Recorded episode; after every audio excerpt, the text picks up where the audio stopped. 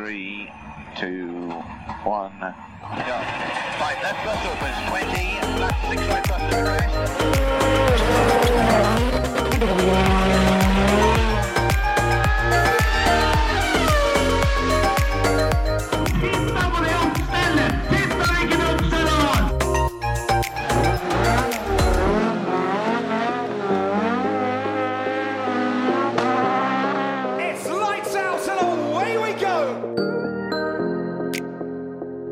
Er vi i gang med en ny episode. Dette her blir en av de bedre, og det sier ganske mye med tanke på hvor jævlig mye bra episoder vi har laga. Å, fy fader. Det, hvis det greiene her som skal toppe episoden med Fredrik Brenna Lund, da blir det bra. Vi, vi går alltid for eh, personal best. Ja, ja, ja. Vi, vi jager mye PB her om dagen, og det, nå skal vi ha en ny PB i episoder. Jeg tror vi har en fair sjanse, for uh, om ikke så altfor lenge så får vi sjølveste Tommy Østgaard på besøk. Mannen, myten og legenden Tommy Østgaard. Norges raskeste mann hvis, uh, hvis rattet og pedalene er kobla til støpselet istedenfor bilen. bilen. Norges raskeste på nett. Ja. Det er det. Det er arrangøren av uh, Simracing Grand Prix. Det er han. Og uh, ikke verdensmester, men han har vunnet en VM-runde. Det har han. Skal prøve igjen på det til helga.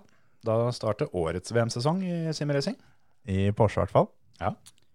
Porsche E- eh, Porsche E-Sport Tag e Tag Hauer. Tag, Hau- Tag Heuer, er Tag det faktisk. ja. Der satt den. Den derre klokka, vet du. Ja. Ja, men nei, jeg husker ikke hele tittelen på serien engang. Det er i hvert fall Porsche. Porsche. Fort kommer det til å gå, og øh, vi gleder oss. Vi øh, det, er ikke noe, det er ikke noe mer å si om det. Men vi, han har ikke kommet helt ennå, så vi får se. Eh, Det går rykter om at det er ei Porsche på vei hit. Han kjører jo tross alt standsmessig. Og øh, skriver det vel av som trening når han kjører langs veien, kanskje. Ja. Ja. Lurer på om han trailbreaker langs veien. ja, det tror jeg. Det burde han gjøre. Det burde han sikkert gjøre. Ja, han burde gjøre det. Ja. Det, går, det må vi, jeg må snakke med ham om det. Jeg tror det. Hør, da går det mye fortere inn i svingene i hvert fall. Ja, og det går eh, fast out as well. Ja. Slow in, fast out. Yes. Dere har jo kjørt litt Porsche i det siste, dere òg. Vi må jo nesten eh, ta med det. Sjøl om oh. fokuset ligger jo mot Interlagos, eh, som skal kjøres til søndag. Men eh, forrige helg så eh, hadde Terje bursdag, og da fant han ut at han ville feire den eh, bak rattet på den Porscha. Så da ble det sånn. Da kjørte vi 24-timersløp på Nürburgring. Da var det jeg og Preben og Emil. Egentlig skulle vi ha med Andreas Bakkerud, men han eh, hadde dessverre ikke tid til å bli med. Så han har jo fått seg sin første ærlige jobb i, i sitt liv. Så han uh, var dessverre nødt til å jobbe. Så vi fikk med oss uh, Tor Anders Berven, som vi da har hatt som gjest her tidligere. Ja, han må kjøre fort. vi spurte han uh, dagen før løpet om uh, han hver så snill kunne hjelpe oss med å ta noen få timer. Og det ville han jo veldig gjerne, selv om han er medlem av Team Vikings. Så hjalp han oss allikevel, og gjorde jo sånn at vi faktisk kunne kjøre løpet og fullføre løpet. Så Dere fikk ikke kabanen kabalen til å gå opp helt med tre. nei, Nei. det blei fryktelig tungt. Eh, Det er lenge. Jeg skjønner jo det, men uh, nå var det et annet team som jeg så, som det var én fyr som kjørte faen meg alt. Uh, Ja, det var en som han- kjørte det obligatoriske, bare. Ja, han hadde en som måtte kjøre to, to eller tre times stint, og så kjørte han resten sjøl. 14 må du ha en annen sjåfør til å ta. Ja. Og så kan du ta resten sjøl. Det gikk litt uh, treigere på runden mot slutten, så jeg. Så. Men, men, men det som var det verste, at de som vant eh, i Porsche på vår server, de gjorde akkurat det samme. Da var det én som kjørte da 14 Ja. og han andre kjørte resten. Det er litt sjukt. Det er, eh, det er bare sinnssykt, for det, jeg er sliten enda etter den helga her. Det- Jeg skjønner jo hvorfor de gjorde det sånn som de gjorde, at, det, at det, han starter Eller de starta liksom stinten, eller første stinten, delen av løpet, og så tok han andre sjåføren over ganske fort. Og etter det så kjørte de i ett sett. Mm. Tenk tanken på å snu det der. At eh, jeg tar og kjører eh, 70% av løpet først, og så tar du de 14, og så fullfører jeg resten.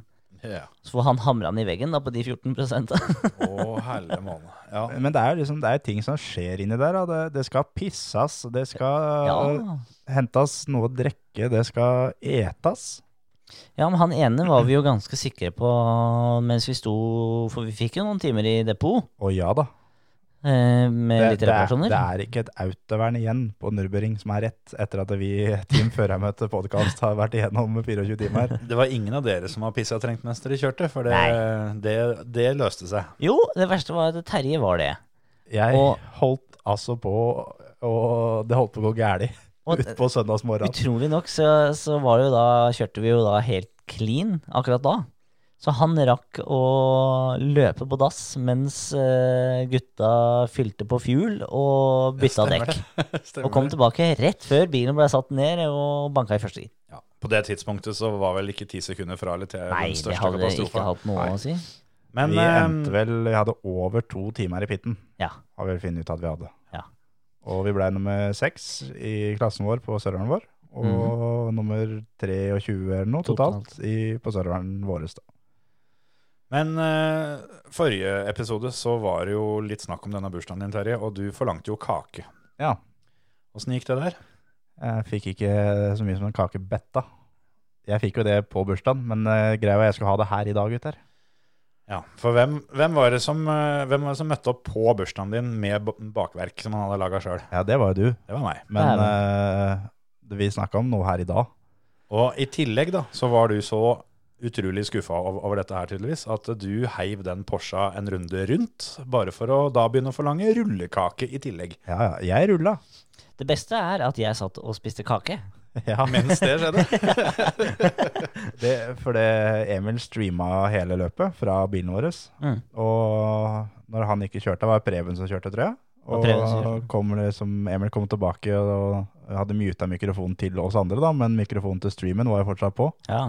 Da sier Emil at da, i dag så er det feiring. Vi feirer Terje som har bursdag, med litt av kakestykke. Ja. Tar det fire sekunder. Han ble en, omtrent avbrutt av Preben. ja. Ja. Og det Preben sier, er at eh, nå er vi ferdig. For da går han rett i veggen. Rett i autoren. Da har han kjørt feilfritt en times tid. Så det, det Men- var fint, det. Men den største jinxen har, vi jo, har jeg nå da på min venstre side, og Ja. han har jeg samme mor og samme far som. Ja. For det Tor Anders kjørte tre timer helt, helt uten feil. Alt gikk kjempefint. Og så logger jeg da Kjetil på streamen. Han sier ingenting. Tor Anders veit ikke han er, at han er der engang. Logger jeg på streamen på søndagsmorgen, tar det vel 30 sekunder, og Tor Anders banker ned veggen. Ja. Det var en av tre ganger det skjedde i løpet av det løpet. Det, det er samme som når vi har tippa vinnere her. De som du har tippa i rally da mens det fortsatt var litt kjøring, Vi får litt å jobbe med. de, de gutta som skrur, de får litt å jobbe med, altså. Jeg- Men var du til stede under nesten alle smellene? Ja, jeg så ikke den første, tror jeg, Det var det eneste jeg gikk som du hadde. Ja. Den, for det var ikke så mange på natta. Eh, Når jeg lå nei, og sov, så gikk det egentlig veldig fint. Ja, Ja. Da kjørte Preben helt, jeg og Preben kjørte helt feilfritt. inn i natta. Ja. Dere to kjørte helt, helt feilfritt. Mm. Uh, Tor kjørte feilfritt fram til Kjetil Ja. sto opp Yes. og logga seg på. Og så hadde jeg to feilfrie etter det. Så de, de gikk ganske greit. Da så du på. Ja, ja. Fikk Men, med, eh, fikk med det meste. Men det var liksom Så neste gang, Kjetil, så tror jeg ikke du får den linken til den streamen. Nei, vi får se åssen det går til Han følger kanalen, så det, Ja. det er jo Hvis, hvis Men- noen andre vil eh, se da, når vi gjør sånne gøye ting, så, så kan dere gå inn på twitch.tv slash EA Motorsport. Så kommer dere rett inn. Rett inn. Og da er det også Det er ikke bare fra bilen, men det er også nei. da lyden fra Discord-kanalen vår Ja, ja. som vi prater underveis i løpet. Og vi svarer på spørsmål og ja. Emil sitter jo der, så vi får se på Emil og greier. Ja, Det er så proft at Han hadde vel en fem-seks klesskift i løpet av sendinga òg, så det er, det er litt av hvert å se på. Nei, vet aldri hva som kommer der, vet du. Nei. Så vi tenker jo, jeg tenker jo at Gjorde du sånn som da TV-ankrene fra før i tida, som da hadde på seg dressjakke og skjorte over, og så var det tighty whities under, for det var bak pulten? Nei, det var, det var, jeg kjørte shorts, da. Ja. Så eh, jeg valgte Det var litt sånn hva, hva skal jeg gjøre? Skal jeg gå for at det skal være eh, litt trekk eh, langs beina? For hvis jeg har oppe vinduet på rommet, så trekker det nemlig bare den kalde lufta langs gulvet. Eh, da blir det litt mer behagelig for overkroppen, men kaldt for beina. Så da tenkte jeg nei, vet du hva, jeg lukker de vinduene, sitter i hotboxen. Da blir det shorts og T-skjorte. Ja. Vi, vi kom oss imellom, og det var fryktelig, fryktelig moro. Mm. Og Preben kjørte kjempebra, Ja. og Tor Anders kjørte kjempebra. Vi kjørte egentlig bra hele Kjørte gjengen. bra, alle sammen. Men det var eh, etter det første møtet med autovernet, veldig tidlig i løpet, så ble rattet skeivt. Ja. Når bilen gikk rett fram, så sto rattet vårt litt skeivt til venstre. Så da kjørte da resten av løpet sånn, og da, da blir det fort mye følgefeil rundt omkring. De siste timene så kunne, vi, kunne du nesten se panserreklamen fra Cockpit View. Ja. Så det, det ble litt juling. Men eh, juling er det biler som har fått før, og du har klart å kvitte deg med en sånn en, Emil. Ja. For forrige uke så, så slang du innpå ei lita si, kontaktannonse. Da, da fleska du til og, og prøvde å kvitte deg med en gammel bilcrossbil. Ja, det, det var egentlig litt sånn der eh, Jeg har jo en bilcrossbil som, som står i hagen, Ja. og den blir ikke brukt. Og det er sikkert eh, mange andre som får mye mer moro av at eh, den blir, i bruk. Ja. Um, så da sa jeg at det står en bilcrossbil i hagen, hvis noen har lyst på den. Ja. Og det hadde Markus Orderud lyst på. ja. Da fikk en bil. Så han sendte meg Jeg sendte Terje en melding. Ja. Um, og Han, han, han skjønte vel det at uh, av oss to så har jeg mer peiling Ja. på bilcross og biler enn Yes. deg, så han ba meg om info om den bilen. Ja. Så jeg ga jo han all info, og uh, blei enig med han om pris. Og så sa jeg grunnen bare fra til deg at nå er den bilen din solgt. Du får det her for den. Ja. Han kommer da. Ja. Så ga jeg han eh, nummeret ditt, og så fikk Yes. dere ta resten. Ja, Så vi eh, har, eh, takket være førermøtet, så er det en bil mindre, i- mindre I- i på, på, heimen på bruket. Og så er det en bil ekstra hos han som han kommer til å kose seg med. Jeg kan eh, tenke på det. Han burde kjøre med førermøte-logo på, det, eller i hvert fall førermøteskrift på den bilen der. Ja. Det er sant. Et lite klissemerke der, Markus. Det er fint, vet du. Men hvis det er noen der ute nå som tenker at fanken at ikke jeg trakka og kjøpte den bilen, så er det bare å ta kontakt med Terje hvis, eh, hvis dere har lyst på et par andre dugelige Volvoer, for jeg har et par stykker òg. Og Og de er bedre. ja, ja, det kan faktisk eh, si meg enig i. Altså, den ene kjørte jeg jo A-finalen på sommerfestivalen med. Den var jo ny overalt for løpet, og alt var helt tipp topp. Ja, ja. Det er mye fine biler. Den andre er vel eh, Der er det en motor oppi som jeg har skjønt er ganske kjent. Ja, det er en 2,5 liter i hvert fall. Så det er en veldig, veldig bra, bra bil. Er det den som uh, Bjerknes hadde en eskort på Momarken når det var landsfinalen der? Noe sånt? Landskamp for Landskamp. mange år siden så hadde Steffen Bjerknes en 2,5 liter Volvo i eh, en eskort MK2 som gikk styggfælt, og den motoren sitter i den ene bilen din. Ja. Så dem to har jeg, da, siden ikke det blir noen sesong i år. Og jeg har inn i helsikas lite lagringsplass. Og han jeg har lagra den eh, hos nå, han har begynt å, å murre litt om ikke jeg kommer og henter bilene snart. Så er det noen som vil ha, så er det bare å by. Terje tar seg av det. Jeg tar denne jobben. Ja. Men- Det var dagens kjøp og salg. Vi må, vi må komme oss gjennom det vi skal, for eh, nå tror jeg Tommy er her snart. Så Vi har hatt en konkurranse. ja. nå er jeg spent, altså. Vi har, altså, så vidt jeg så, så har vi hatt 35 bidrag ja i forbikjøringskonkurransen vår. Det er litt eh, tøft.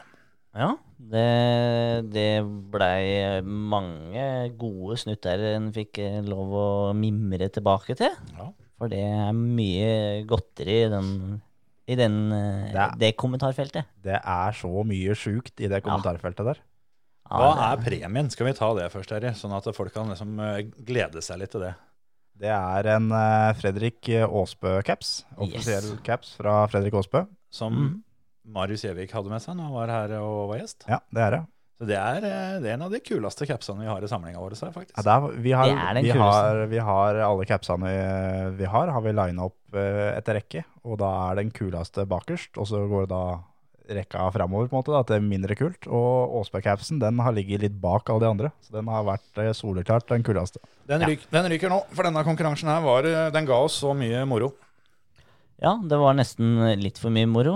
Og herregud. Jeg, jeg er veldig bra. glad for at jeg ikke var dommer i denne Ja. her. sånn. Men det skal sies at når jeg så den, så var det ferdig snakka. Men den, den forbikjøringen her, er det bare en kul forbikjøring, eller er det litt mer er det sånn at eh, han som har gjort det her, han har baller? Og de, de er så svære. Skal vi gå rett på vinneren, eller? Skal, vi, skal du ha pallen? Jeg, ja, ja, kan ta pallen. Det er jo litt gøy, da. Og tredjeplassen eh, blei jo nevnt eh, et par ganger. Eh, det er jo Kevin Eriksson. Ja, den er rå. Den Estring, Yes. rallycross, Ja. hvit og rød Ford Fiesta. Yes. Starters nummer fire. yes. Først ut av første sving. yes. Jeg føler litt at den forbikjøringa der sånn, når det kommer til rallycross, så det, det blir liksom ikke noe særlig bedre enn det. Nei, han tok jaggu high score, Altså- han på første. Han var billengden bak, inn i svingen, Mm. og legger den breit rundt alle. Og er først ut. Ja. Det som da skal nevnes uh, med akkurat den der, at uh, han vinner løpet til slutt. Og han tar sin første seier i VM i rallycross av den starten der. Ja. Og på pallen der så tar uh, Petter Solberg som blir nummer to. Han tar fra Eriksson champagnen sin. Og står bare med to champagner og spruta på Eriksson. For det og til og med Petter blei liksom når Gira. du, når du klarer det der sånn, da er det helt greit, gutten Ja. min. Du skal få den her. Men det ble bare tredjeplass, så nå er det nivå. det ble en tredjeplass. Eh, og andreplassen Hvem er det som kom med Eriksson? eh, Ja. Det var flere, faktisk. Ja, det var flere, så jeg må se hvem som posta han først her. Det var Markus Bakken. Var først ut med den. Ja. Hipp, hipp. Ja. Og så Andreplassen. Andreplass er også jettebra. Det er nemlig Rune Gundersen som har lagt ut eh, Riktignok tre runder med heftige forbikjøringer på to hjul. Det er MotoGP Catalonia 2009. Det skal sies at Rune var mannen som var pådriveren for at vi eh, skulle Det prate mer om, eh, om MotoGP. Og vi lova etter et, et veldig spett forsøk på at det der kommer vi aldri til å prate om igjen. Nei. Han klarte det, jeg og han, altså. Så all honnør til Rune som fikk oss til å prate om det igjen. Men dette her var rått. Altså, gå, spandere på dere og gå i kommentarfeltet og se den videoen der. De tre siste rundene der, det er faen meg galskap. Ja, det der er sjukt. Det er, det er sinnssykt, det. Så da er det altså MotoGP og Rune Gundersen som kommer på en andreplass. Yep. Skal vi gi en liten applaus til Han han får da? en eller? applaus.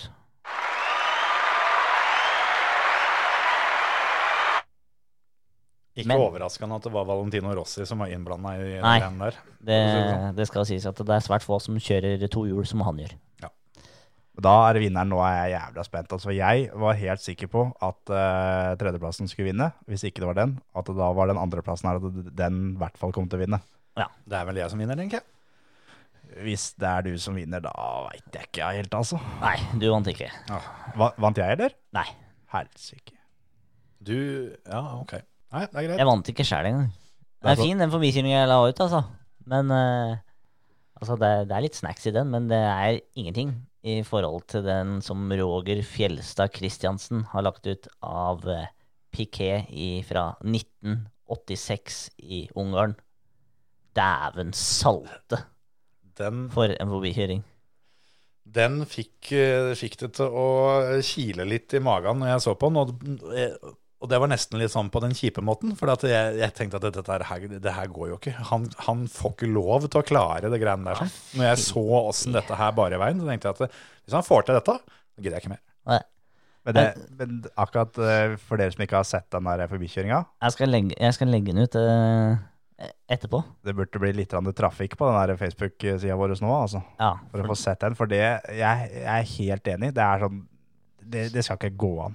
Den er Altså- pervers. Skal huske også da, at dette her var fra 80-tallet. Ja. Det var før eh, ABS og traction-kontroll og alle mulige det var eh, Det var 1200 hester i bilen eller noe sånt. Nå. Ja. Det, altså, det, er, det er noe beist av noen biler. Å klare å håndtere den på den måten han gjør der, og, og få det til. Og så er det dønn clean nå. Den er jo Ja, ikke, ja. Nei, er ikke nærhet. ting. Det er så sjukt. Det, er, det, er, sånn- det var jo på den tida der hvor eh, de bare ga på med hestekrefter. Ja. Og for å kompensere på det, så Nei, vi, vi setter på litt breiere bakhjul, da. Ja, Det, det det. får holde. det holder. Gutta klarer det. Den videoen der er et så ekstremt godt eksempel på at det er forskjell på proff og amatør. Det er helt riktig. Så Ikke prøv det der hjemme. Roger Fjelstad Kristiansen, grattis.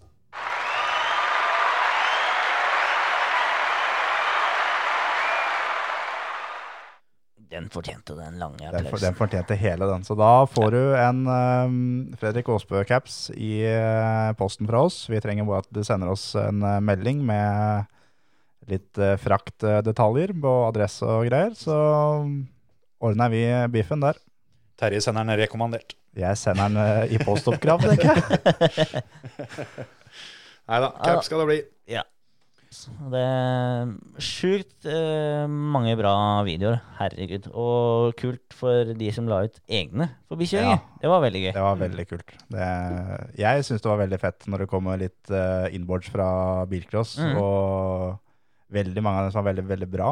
Ja. Uh, Silje Bjørsvik, da er det. ei jente som var- uh, når, du, når du er jente, og du går på ytteren i skankesvingen, Ja. og du får det til, Ja. det er rått, altså. Det var kult. Ja, som jeg, som jeg nevnte forrige uke, det der har jeg prøvd på mange ganger. Jeg har, har nok ikke fått til det. det var, og, og det var vel derfor den hette Skankesengen. Det var vel også fordi at Skanke ofte prøvde uten å få det til. Ja, Så det er uh, veldig stjerneboka der, altså. Ja, den var kul. Masse, masse, masse bra. Så tusen takk til alle som uh, var med i det. Veldig gøy. Skal, skal vi kline på med en ny konkurranse? Jeg har en klar, skjønner du. Kjør på. Jeg vil nå ha uh, videoklipp av det beste fightinga. Ja. Trenger, da trenger det ikke være cleant lenger. Nei. Men, men, men det skal fortsatt være da fighting. For Det skal ikke være da ta inn en fyr, kline han av banen og kjøre forbi. Det er ikke fighting. Det er skal, det skal, det er bytte, det skal byttes plasseringer. Det skal være fighting, eh, og det skal være ordentlig, skikkelig fighting, da. Må, må det byttes plasseringer? For, Eller? at, for at det skal være fighting, ja. Ja. Ja, ja. Fighting er jo ikke å ligge bak en fyr. Det er å føle på. Det er, Nei, det er altså- dragsug. Det er to stykker som kjører fort, det. Ja. Her, Ja, ja. Jeg skjønner jo at dere to uh... for, for det som da betegner fighting, er at det er to, hvert- to eller flere som ikke kjører så veldig fort lenger. Ja, De fighter om én plass. Yep. Du fighter jo- ikke om en plass om du ligger bak den, og aldri kjører forbi. Da I- har du ikke fighta. Da har du en- kjørt. I og med at det tydeligvis er helt utenkelig for dere, så er jo, er jo dere så flinke til å kjøre. Men eh, hvis han, eh, han som kjører foran, altså du som har sett såpass mye Senna, veit at det går an å ha en fight uten at han bak kommer forbi. Jo da, det er ikke det, men du skjønner greia. Her skal det byttes. Det skal kanskje litt dør mot dør, og det skal være eller Ja, ja. mot hjul. Og det, da fighter du. Du skal opp i ringa. Ja, okay. Fram med pikken. Det er liksom Det var det, Nå skal det kjøres! det var det jeg spurte om, om det måtte byttes plasseringer. For da, da er det jo en del kule som eh, ikke går. Jeg har vinneren, jeg. Så det er bare, Jeg òg. bare Ja. å glede seg. Sjæl. Da er jeg dommer da, på den her. sånn. Du er dommer, ja? Da legger vi ut en egen post Yes. og kommenterer med filmer derfra. Gjerne egne filmer der òg. Ja. Kan hende at egne filmer eh, kanskje kan veie litt tungt den gangen her. Det får vi se. Ja, da må det være bra. Og, Så- ja, det må være bra. Et tips er å gå inn på YouTube-kanalen til Terje Flåten, og så få klept ut noe derfra. Da vinner du. Ja, ja For der ligger nemlig et par, par av filmene mine òg, så der ligger nok vinneren. Og da skal vi også igjen komme med en eh, meget eh, bra premie. Vi har eh, mye caps her igjen, men jeg tror kanskje vi skal ha en annen premie den gangen her. Vi får se. Det tenker jeg vi avgjør litt på nivå. Hvis det blir like høyt som nå, så blir det en fet premie. Det gjør det. Det gjør det. Men nå hører jeg Porsche Tommy komme ned i boligfeltet her. Ja, ungene i, i nabolaget springer etter. Så da tar vi oss en eh, ørliten pust i bakken og litt fet billyd, og så er vi tilbake med Tommy om et ørlite blunk. Yes. Ja, da har vi fått uh, Tommy Østgaard i studio. Velkommen, Tommy. Takk, takk. Hyggelig å være her. Jeg har jo uh, kommet langveisfra. Hvor er det du holder til i, i Norge? Jeg bor uh, på Langhus, rett ved Ski. Så det er en liten kjøretur, da. Det er vel nesten mekka for simracing, for det er vel flere gode førere rundt det området, er det ikke det? Det er, eh, vi begynner å bli en eh, god tropp fra Langhus, så eh, det er moro. Det er vel ikke noe problem å, å kjøre langveis når du kommer i såpass ålreit bil. Var fin, den. Ja, det er det. Du er jo glad i bil, da. Jeg er det. Jeg er veldig glad i bil, så jeg har vært veldig heldig som har fått muligheten til å kjøre litt staselig bil. Ja, kult. Det er jo passende da at du kjører Porsche og liksom lever av å kjøre Porsche, og så har du Porsche på, i virkeligheten òg. Tenkte det måtte være såpass. Ja, det er bra, det. Er, er det Porsche som er eh, favoritten i R-racing? Eh, favoritten er Jeg liker egentlig å kjøre Jeg kjørte jo en Daytona-prototype på Daytona 24-timersløpet. Jeg syns det var veldig moro å kjøre en bil med mye fart og mye downforce igjen. Så Porsche er jo en morsom bil, men eh, det er litt moro å kjøre noe som går eh, enda fortere en gang iblant også. For, det, for de som ikke veit det, så er jo du en profesjonell simracingutøver. Så langt man eh, kan kalle det det, i hvert fall. Ja, for du har jo tjent penger på simracing. Jeg har det, så jeg har ikke noen utgifter lenger. Det er kun inntekter. Det er eh, litt annet enn meg som sitter på Ikea-pulten med G29, altså. For meg så har det kun vært utgifter. Det burde kanskje vært noen flere, er det det du det Ja, ja, ja. Jeg, jeg, jeg er klar, jeg, altså, hvis det er eh, noen som har for mye penger til overs. Men det er jo gjerne sånn, da. Det begynner jo med utgifter før det kommer noe inn. Ja, det gjør det. Det, gjør det det. er ikke for seint. Jeg tipper du har hatt noen utgifter opp gjennom åra, du òg. Det har kosta litt. Jeg husker fortsatt den tida med Live for Speed. Da var jeg kjappere enn deg, Tommy. Så det, det lever jeg på enda. På alle resultatene dine så veit jeg at jeg egentlig har vært kjappere enn han der en gang. Og det er litt synd, da, for jeg får liksom ikke tatt tilbake Nei. historien. Det skjedde noe i de åra imellom der. Jeg Ja. tipper at en av dere satsa litt annerledes enn den andre, kanskje. En en av oss fortsatte med, med det her sånn og blei bare bedre.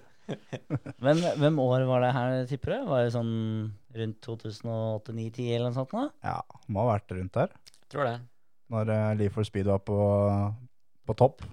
Ja, For i, i 2011 så, så slo du jo litt igjennom. Da gikk ganske bra, det. Ja, Så det var jo på Liverpool Speed, da. Ja. Så da var jeg jo ganske ung, da, så jeg var med å starte veldig mange team. Så jeg, jeg var sånn der typisk sånn der eh, ung fjortis som hoppa mellom alle teamene. Det husker jeg. Vi var vel kanskje teamkamerater en gang òg. Jeg var med i teamet ditt eh, Ja, det var en med, gang. var med liksom mot slutten. Og Jeg husker når du kom inn, jeg bare Nei, skal han være her i to uker òg, da? Og så går han videre igjen, liksom. Så det er eh, la, lang teamhistorie. Ja, Men um, nå har jeg endelig funnet et hjem, da. Ja. Nå som jeg blir gammel. ja ikke sant. Hvilket, hvilket team er det du kjører for nå? Nå kjører jeg for Kwanda Simsport. Så jeg ble med der i, på bursdagen min, faktisk, i 2018. Yes. Oi. Så det var eh, etter jeg kjørte VM-kval i 2017. Og så har jeg hele tiden hatt et mål da når jeg starta igjen, for jeg hadde en liten pause.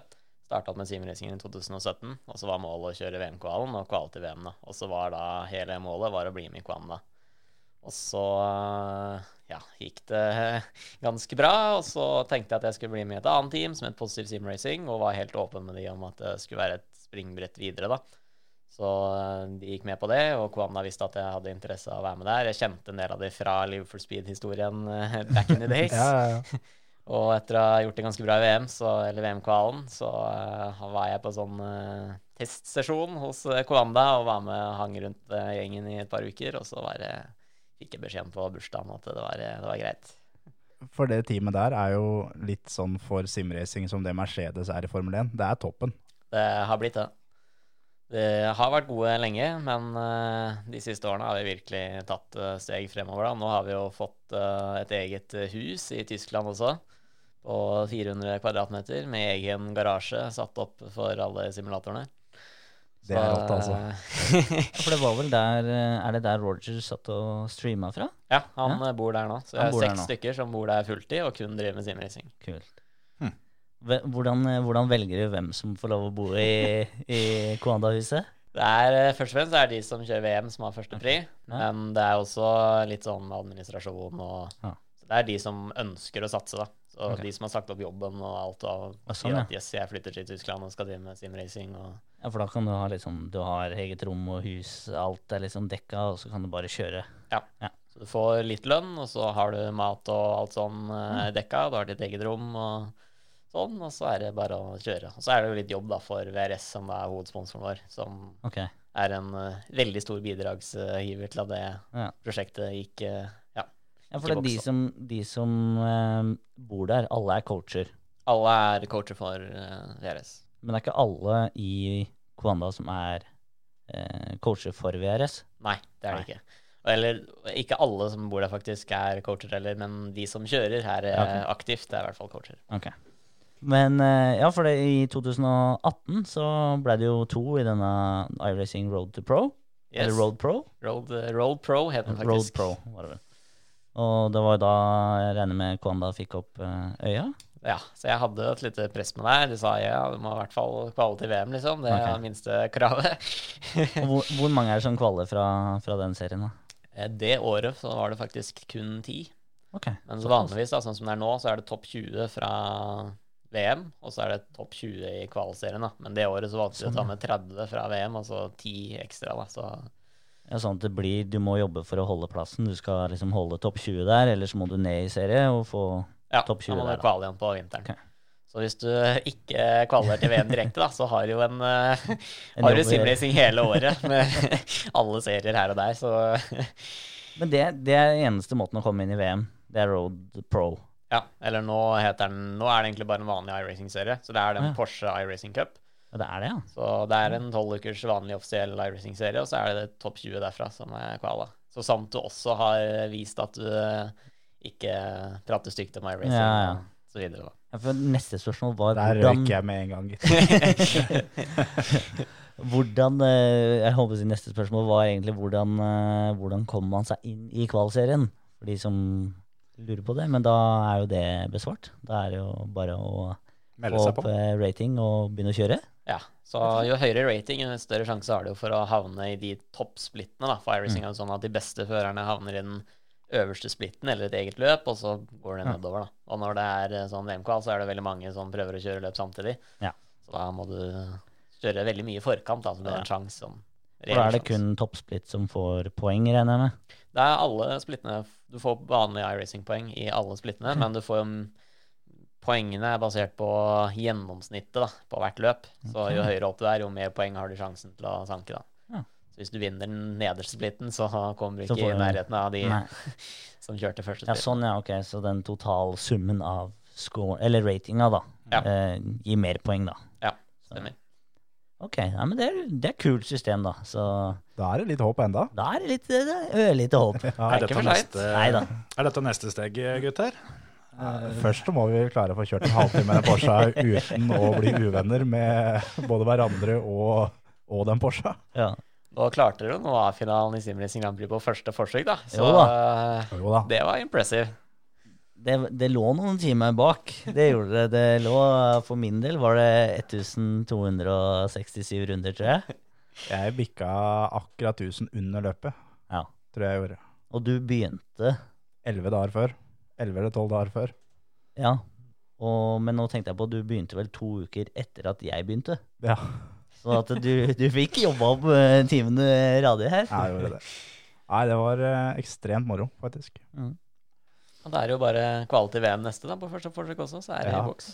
Nei, vi må jo prøve å komme oss til A-finalen nå til helga. Ja. Det, at ikke det bare var en one-off den forrige vi hadde. Nei, vi satser på at det, det Det har holder. blitt trena litt grann på Interlagos i det siste, òg, har jeg fått med meg. Så dere har vel litt lite Ja. forhåp om, om å gjenta den bedriften? Ja, men jeg vil vel si vi har vel trent en fjerdedel, tenker jeg, av hva vi gjorde til første runden. Ja. Eller ja, tredje runden, da. Men Nå var vel halvparten av treninga å komme seg en runde rundt banen uten å snurre. Ja, Så det var litt det, da. Å få opp timene generelt i Porsche og iRacing, hele greiene. Mm. Og så lære banen ordentlig. Så Men det er jo da sånn som for deg, Tommy, som eh, er så god og erfaren, så kan jo du hoppe inn nå og bare kjøre to runder, så har du slått tida til både meg og Emil, og så kan du gå ut igjen. Det er ikke langt ifra, i hvert fall. Og det uten at vi har sagt åssen tid vi kjører på. Ja. Nesten uansett hva vi jeg tror det er sånn alle, da. Alle klarer å kjøre ca. 90% eller 95% av hva de kan fra før av. Mm. Men det er de siste prosentene som tar lang tid da, å hente. For, for du skal jo nå da kjøre VM nå til helga.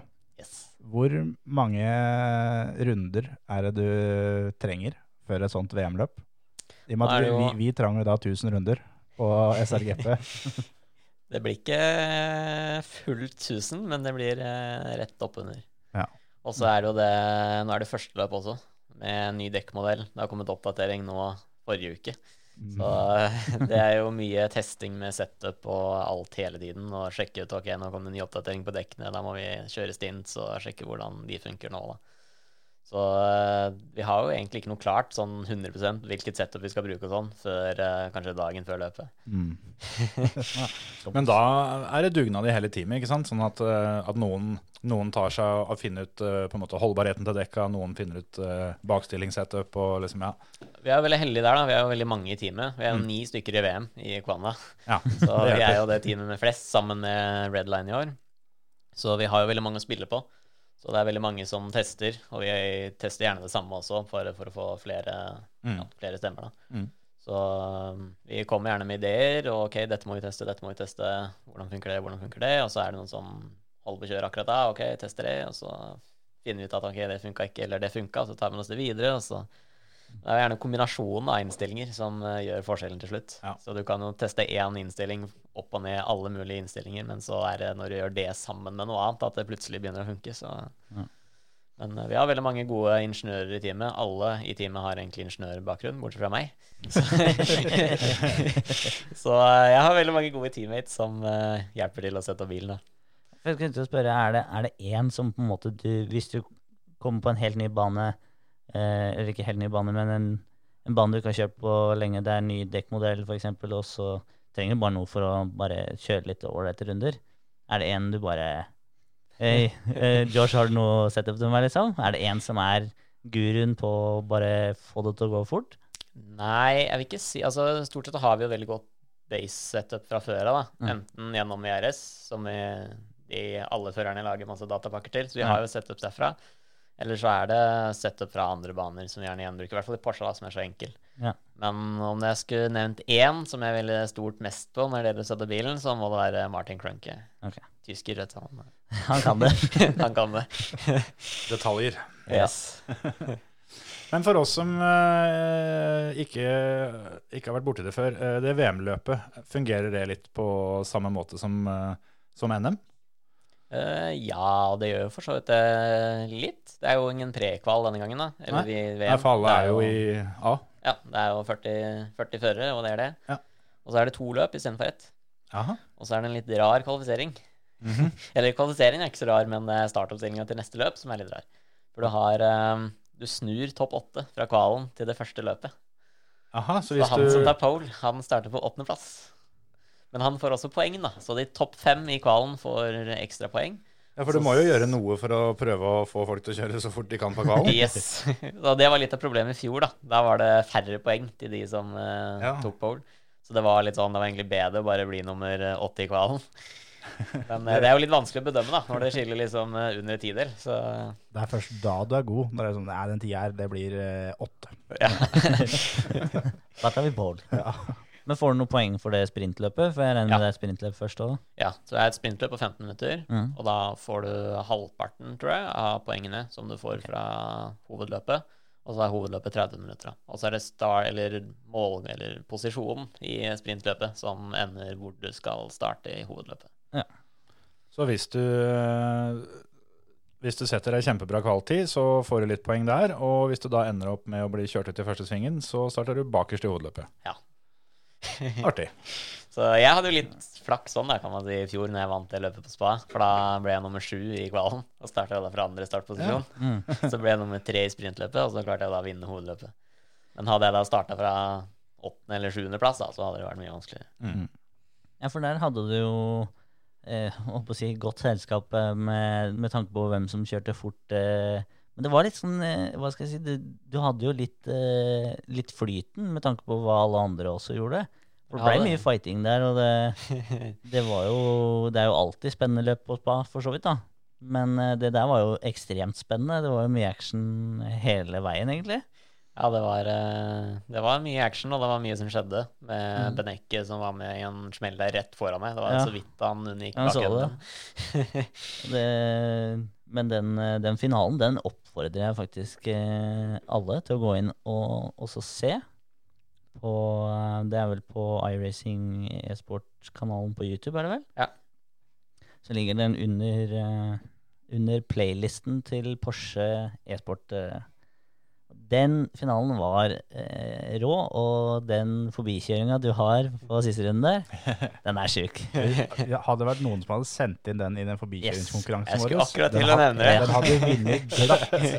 Jeg tenkte på når jeg så, så løpet, at det For jeg så løpet her om dagen, bare Ja. sånn for å, for å ha faktisk sett det. Og da, da tenkte jeg det, det der er noe av det drøyeste. På slitte hjul, gå inn sånn som de gikk der, holde den rundt. Fy fader. Er det ikke plass på inneren, så er det plass på ytteren. Yes. Men var det litt sånn, for det er jo alle som driver med enten simracing eller vanlig motorsport, har jo noen sånne dager hvor alt funker. Var det en litt sånn da?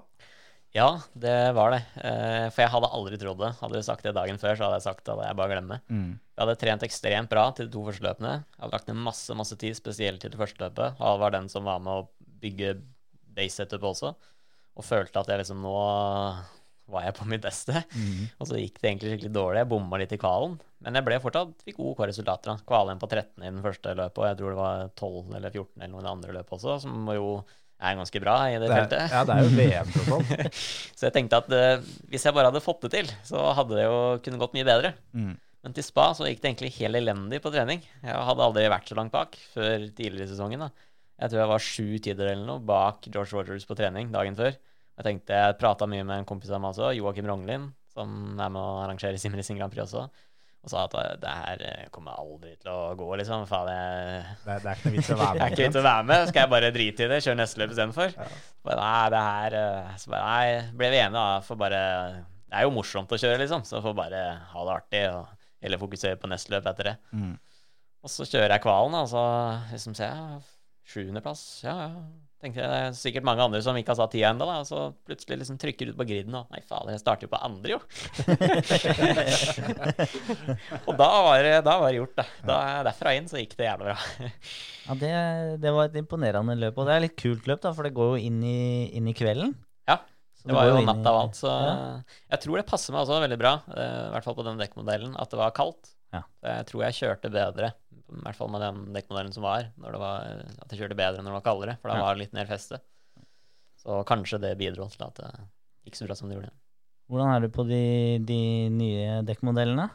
Noe som er litt mer eh, grip fra start og Jeg elsker det, da. Ja, så jeg tenker at dette må jo være bra. Det ser bra ut på trening, Ja. men uh, vi har jo én i teamet da, som bare er helt uh, sjuk, så det, han blir eh, vanskelig å ha med å gjøre, men eh, resten skal det Hvem av dem er det? For det er jo en del av dem. Er det er uh, han som ble mester i fjor, George Ja. Rogers. Ja. Er sånn uansett hva alle i teamet gjør, vi kan kjøre og kjøre og kjøre. Og så er vi alle superjevne. Vi kan ligge, resten av gjengen kan ligge innenfor en tidel eller to. Ja. Og så kommer George Rogers og bare er tre tideler raskere. Men igjen, da. Det, det, det får vel en litt sånn ålreit uh, effekt for dere òg. For da plutselig så er han tredjedeler kjappere, og så tenker du vi kan ikke kjøre så fort. Og så kryper du vel inn det forspranget han får eh, litt og litt og litt. Det gjør jo det. Vi blir, kommer jo nærmere og nærmere for hver gang. Så vi har jo alle dataene, så vi ser det jo svart på hvitt. Ja. Vi vet jo nøyaktig hvor vi tar for tid, men eh, Så det er jo det å jobbe systematisk, da. Mm. Og prøve å hente Jobbe på de stedene man taper mest først, og så se om det er noen eh, ting som går igjen, og Mm. prøve å trene på det, rett og slett. Det er, jo, det er jo litt sånn som i, i, i da, NM, som vi da ser Tine til noen av de andre. Og bare, det, der, det går ikke an. Nei.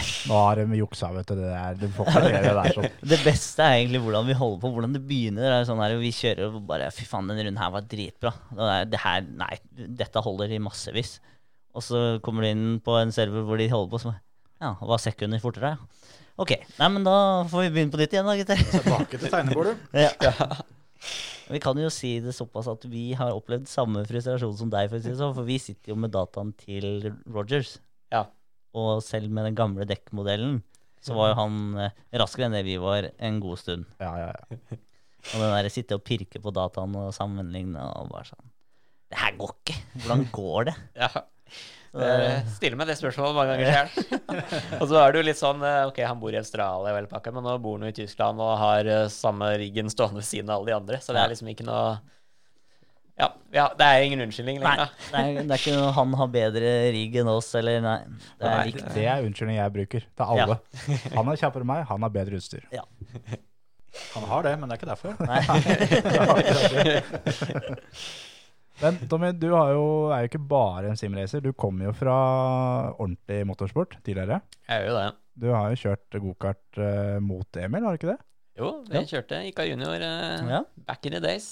Back in the good Skal vel old sies days. at uh, jeg tror aldri jeg slo deg i et eneste løp der heller, men Vet du hva, den, den tida der uh, veit jeg ikke helt. For det, det eneste jeg husker, er NM. Og det er bare fordi jeg har sett det på film eh, etterpå, eh, og med tanke på at NM-tittelen glapp. Men eh, Da var det bare damer og, ja, i huet på deg, vel? jeg veit da fankeren hva jeg tenkte på, jeg, men jeg har problemer med å huske tida. Sånn at, men jeg husker jo godt at vi kjørte mot hverandre. ja.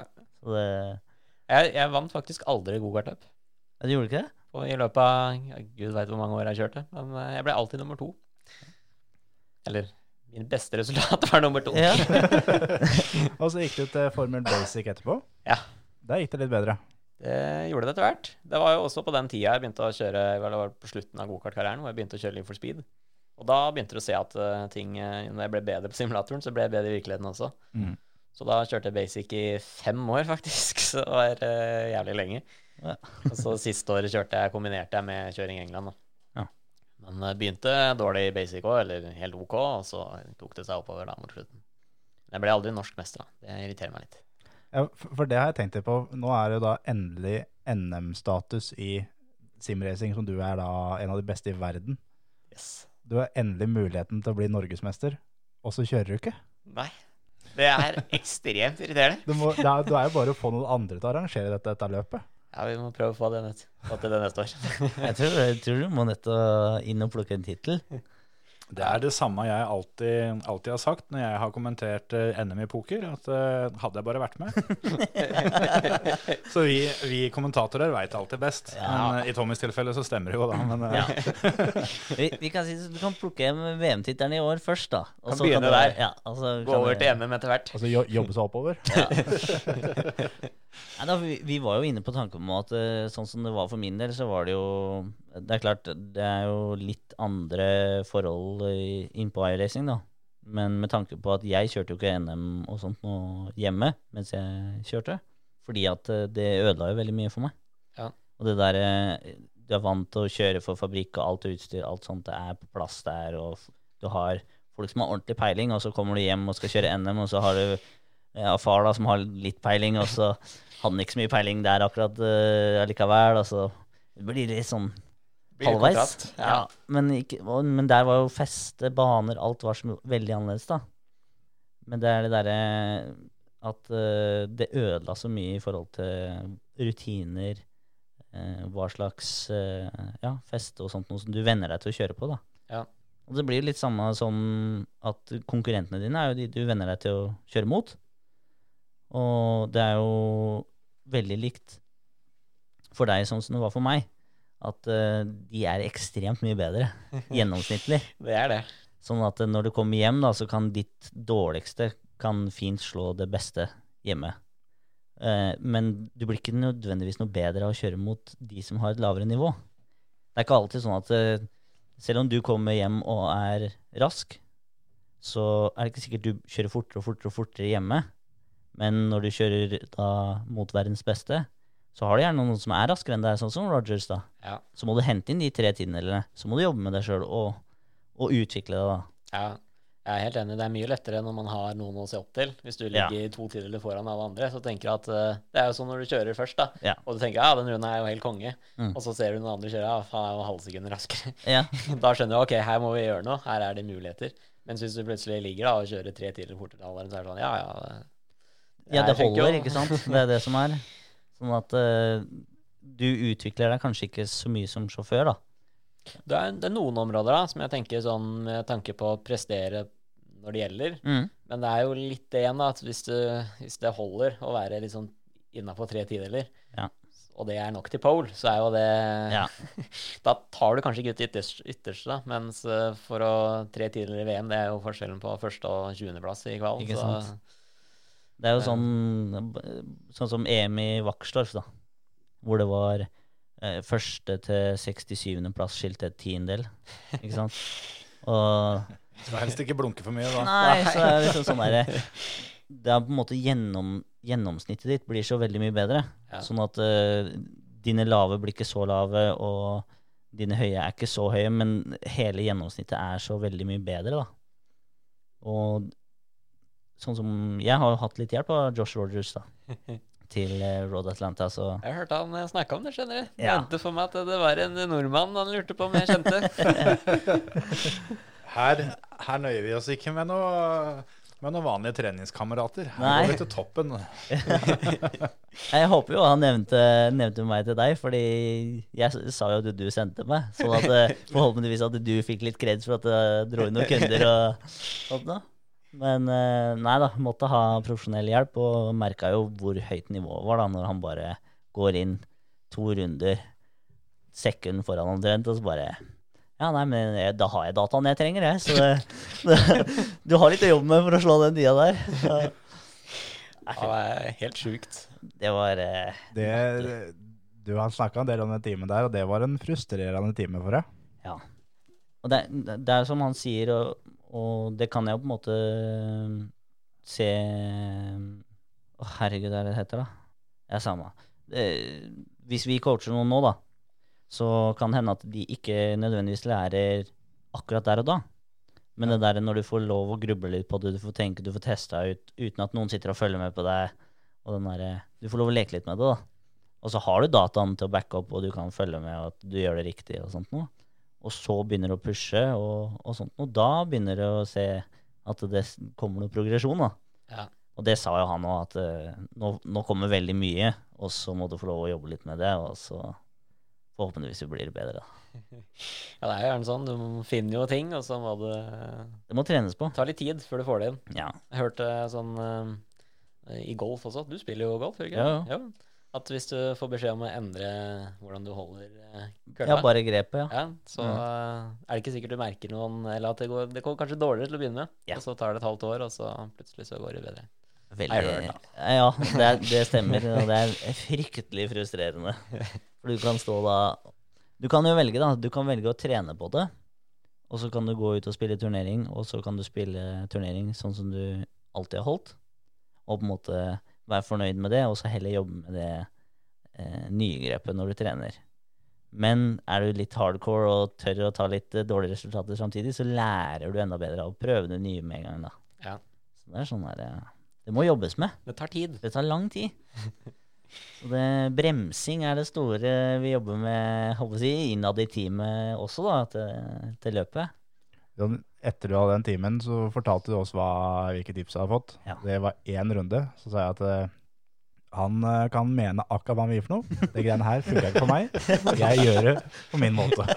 Men, mens da nå, da, som jeg har kjørt enda flere runder i den Porscha, så nå skjønner jeg hva han mener. Mm. Men jeg klarer absolutt ikke på en lik måte, men jeg klarer mye bedre enn da jeg gjorde før. Da. Mm. Så det er, eh, det er framgang. Det er for- Eh, faktisk bremsinga er jo med òg, så er vi, er vi flere. Det er fint at det ikke er bare vi. Alle kan kjøre fort på sletta, vet du. Jo, det er sant. Det er hvordan det kommer ut på sletta, da. Det er det som er problemet, da. Hva er det beste tipset du kan gi ja, til de som skal kjøre på Interlagos til helga? Nei, eh, det er jo det å bremse litt mykt i inngangen. Ikke bremse for hardt.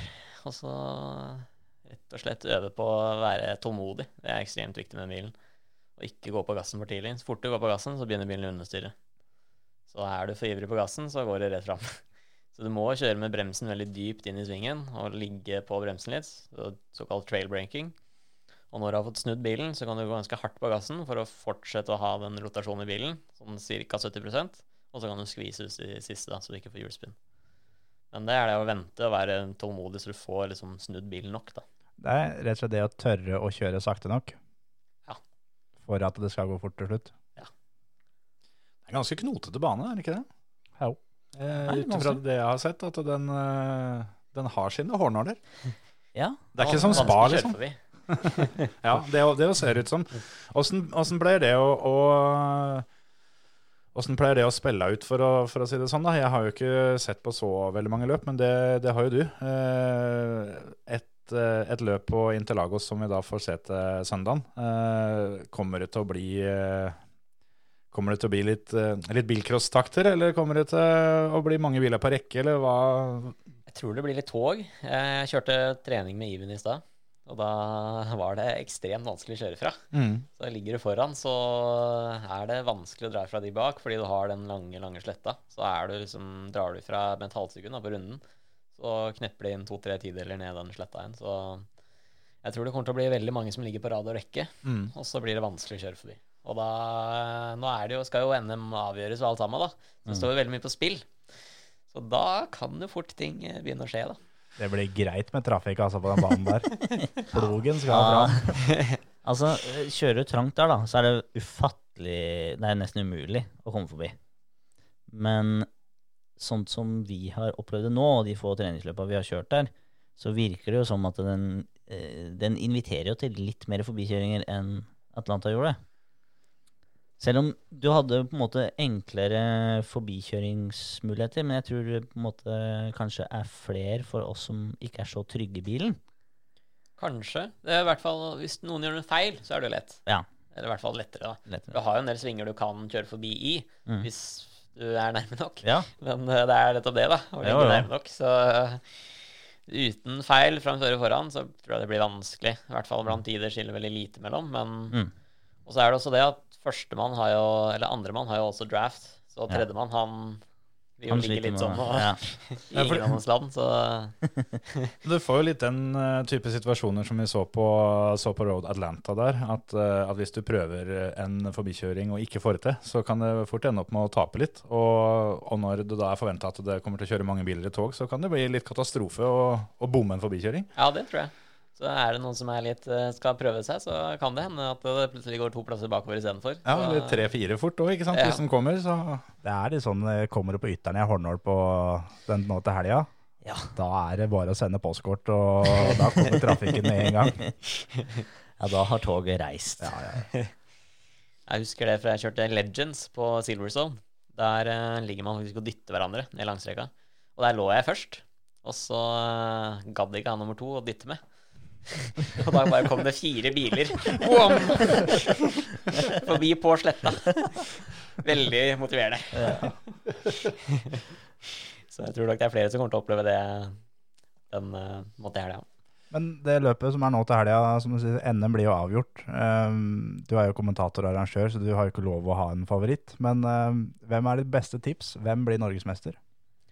ekstremt vanskelig å si. Nå har vi hatt tre forskjellige vinnere i tre løp. Så hvis det fortsetter, da, så eh, kan det jo se lyst ut for de som ligger litt lenger bak. Mm. Så, men det står jo mellom, i hovedsak mellom Emil Heierdal og Carl Fredrik Hershaug. De har jo eh, Hvis de vinner løpet, så er de norgesmester uansett hva. Ja. Så de har jo selvfølgelig størst sjanse. Og Emil har jo vært veldig rask i det siste. Han uh, har hatt en oppadgående trend, mens Carl Fredrik har duppa litt. Nå var han jo litt uheldig på Roll Atlanta, da. Mm. Men eh, jeg tror det er den føreren som har dagen, og som griper sjansen. Den kommer til å bli norgesmester. Så det- skal jeg spå noen, så er det Jeg vet ikke. Og hvis det blir en av de, så er det er vel fortjent. De Ja. er eh, ekstremt kjappe begge to. Absolutt. Ja, vi har kjørt litt med, med Emil på, på Interlagos. Og det, det har jo gått fort, for å si det sånn. Og eh, han har jo Det som var det verste da, akkurat den treningssession der, som vi som spurte han etterpå Ja, har du trena mye, eller? Nei, det her var de første rundene mine. da. ja, Da var det sånn Ok, det her veit jeg ikke om jeg gidder mer. Men det er en liksom greie, da. Det er veldig fint at dere deler hvor mye dere har trent og sånn. Mm. Det syns jeg er superpositivt. Jeg mener man bør løfte det fram, da. At det å trene mye er kult, og det er det som gir resultater. Mm. Det har vært litt sånn greie innad i simracing-miljøet tidligere. At det er litt sånn Nei, jeg trente nesten ingenting. Jeg dukka bare opp uh, time før løpet. Og det er liksom skikkelig kult å ikke ha trent noe. Ja, ja. Mens uh, den trenden har begynt å endre seg, da. Og det syns jeg er veldig positivt. Det fins jo ikke noe kult med å ikke trene. Sorry, gutter som syns det er kult, men uh, det, det er ikke det du blir god av. Det, du ljuger bare for deg sjøl. ja. Mest sannsynlig så, så ligger du og trener litt, eh, litt ekstra når ingen eh, følger med. Du kan jo si det sånn òg, at om du er veldig god og ikke har trent, så er det jo fortsatt bare deg sjøl du lurer. For tenk hvor god du kunne vært Ja, hvis du hadde gidda å trene litt. ja, altså hvis du har ambisjoner om å gjøre noe mer enn SRGP også, hvis du vil Ja, hvis du vil kalle det til VM, da. Kan ikke bare Jeg stilte opp samme uka, eller samme dagen som løpet. jeg. Jeg bare logga på, og så, og så så jeg det var løp, så heiv jeg meg med. Og det, det finnes sikkert en eller annen syk jævel her i verden som klarer å gjøre akkurat det der. Ja, ja. Josh Rogers. For eksempel. Ja. Men jeg, jeg tenkte liksom før da det forrige løpet kjørte, så tenkte jeg litt på Brenna Lund, som jeg Mm. hadde som gjest. Eh, noe han har sagt til meg en gang, at eh, for å bli best, så må du trene når de andre ikke trener. Ja. Det er litt sånn som jeg har tenkt når vi da har lagt inn da 1000 runder. da. Og vi var helt sikkert var flere andre som sikkert hadde 1000, de òg. Det var veldig mange som hadde veldig mye mindre. Og da tenkte jeg litt eh, når vi trena, at nå, det er ikke sikkert de andre sitter og trener nå. Da blir den jo da bedre. Ja, det gjør det. Jeg fikk jo snap av deg eh, i dag, Terje. Utpå på morgenskvisten, eh, i hvert fall etter de klokke. Og da der, eh, der sto det det at eh, nå gjør vi som proffene, tar vi oss ei lita treningsøkt på morgenen. Det var etter å ha sett at du ut, Tommy. La ut. Trøtt og jævlig så det ut. Så det, det blei en time på morgenen. ja. Og så kom det en snap rett etterpå at nå skal det utstyret stå og skamme seg. Det stemmer. Ja. Nei, det er, men eh, det er, jo, det er jo litt sånn da, at eh, det er jo moro dette her òg. Så det er jo ikke sånn at åh, nå må jeg inn og trene. Det er, eller det kan hende det er litt sånn for deg noen ganger, jeg vet ikke. Du, Det har vært sånn i perioder. Spesielt i fjor i løpet av hjemmesesongen så blir man litt lei når man har holdt på i ja, hele året rundt. Men eh, det er det å variere, da. Så jeg har lagt en bedre plan da, i år. Um, laget meg en sånn eh, treningsbok. Så jeg har uh, flere forskjellige typer treninger. da. Så jeg trener på kalde dekk, trener på kvalifisering, mentale øvelser. uh, som teller baklengs mens jeg kjører. Og masse forskjellig, da. Så jeg prøver å lage litt uh, varie variasjon i treninga. Så det ikke bare blir liksom å kjøre en runde og analysere, kjøre en runde og analysere, kjøre tre runder og analysere. Sånn som det veldig fort blir da, hvis man bare sitter og gunner på. Jeg prøvde, prøvde å telle baklengs mens jeg hørte på Tommy, så det så Jeg skal vente Jeg visste ikke hvor jeg skulle begynne. Jeg begynte på 59. ja, jeg Er det stoppa? Du må begynne på 300. Eller okay. du må begynne Du må variere hvor du begynner, for du lærer deg tall etter hvert. Ja, sånn, ja. så må du hoppe over tall. Hvis du liksom begynner på 300, så hopper du over 3. For da må du begynne å regne litt. Å, faen. Det husker jeg var et, I, I tillegg til at vi skal finne bremsepunktet. Nei, dæven. det- Det der var en sånn eh, kjempepopulær drikkelek, husker jeg. Hvor det at eh, hver gang du kom til tallet sju, så måtte du snu og sånne ting. Det var, eh, så det der, der kan jeg. Men det er, det er mye det er mye, sånn. Ja, ja, ja.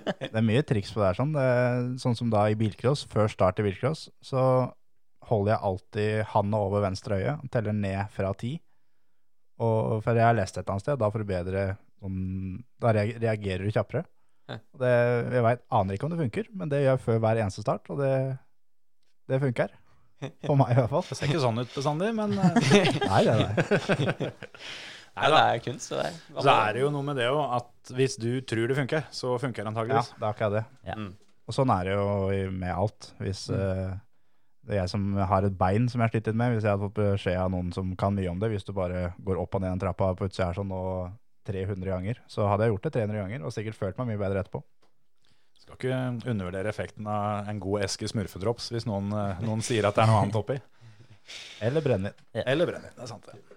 Men eh, en annen ting jeg tenkte på, for det, du nevnte det jo litt med, med det at du hadde hatt en session med Even-teamet i dag, og ikke minst det med at, eh, at du hadde laga en sånn treningsdagbok, eller, eller hva det var, en video du la ut her nylig òg, hvor var en rimelig detaljert eh, dagsplan.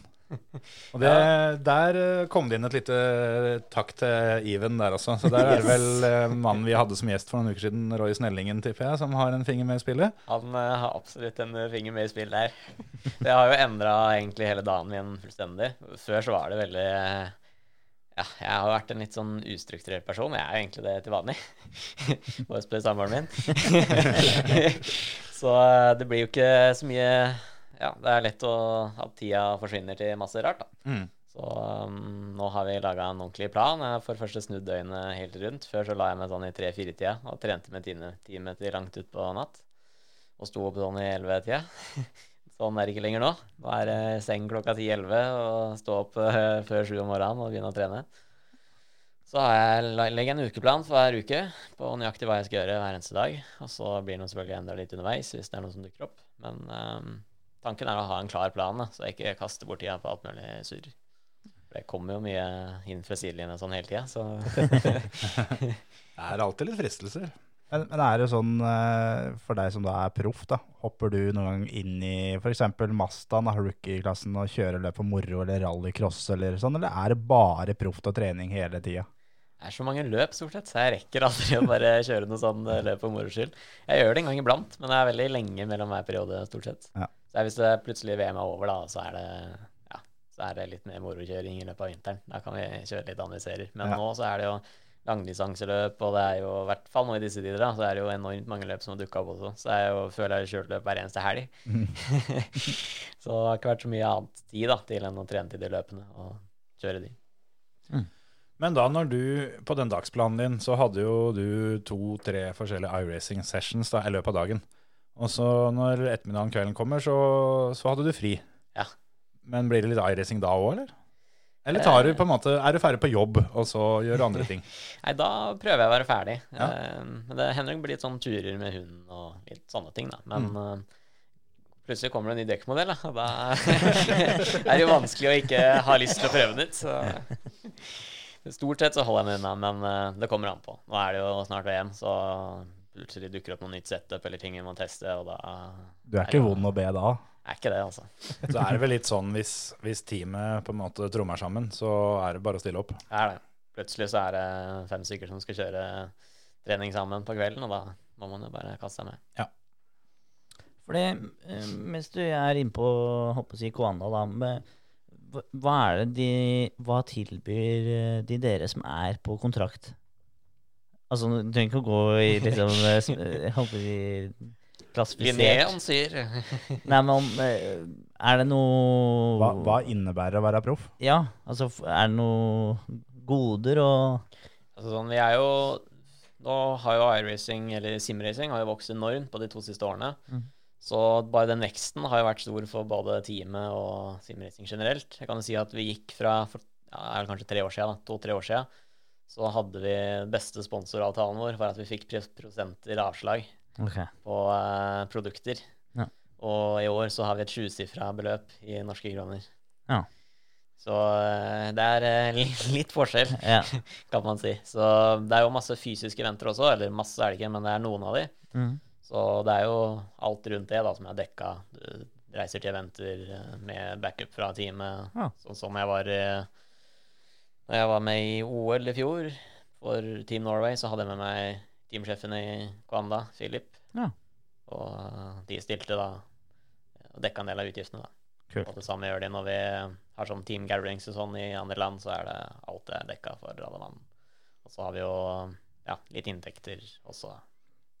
Er de fleste nå, nå er det kanskje litt spesielt for dere som, som jobber med, med VRS, da, og som kommer med eget eh, ratt og pedaler og sånt noe, men er det Jobber de sånn som jeg ser vel en, er en del som har Logitech for eksempel, og sånt noe som samarbeidspartnere og sånt noe, da?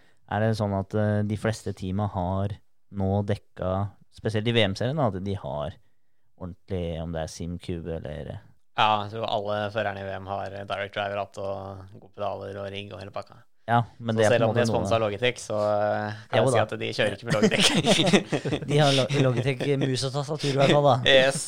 Eller plussmerke. Ja. og, bi og bilder av Logitech G29 på Twitter. ja. Jeg, jeg så vel eh, Teien hadde lagt ut en sånn pakke fra, fra Logitech. Eh, Han kjører faktisk med? Logitech. Yes. men ja, jeg syns jeg så I hvert fall pedal Nei, rattet, tror jeg, men han har Ja, andre pedaler. Det regner jeg med. Og hvis han hadde sagt at han kjører i hvert fall med de pedalene det, Nei, nei, nei.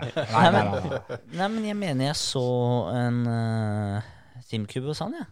Ja, Sindre er i hvert fall eh, oppgradert. Ja. Det så- så- Men jeg tror ikke Jarl har gjort det ennå. Han skrev jo forrige løp så sånn at han hadde lyst til å kaste G29 eh, ut Ok, eh, ja. Vinduet, så det kan jo hende han har bestilt eh, noe bedre siden da.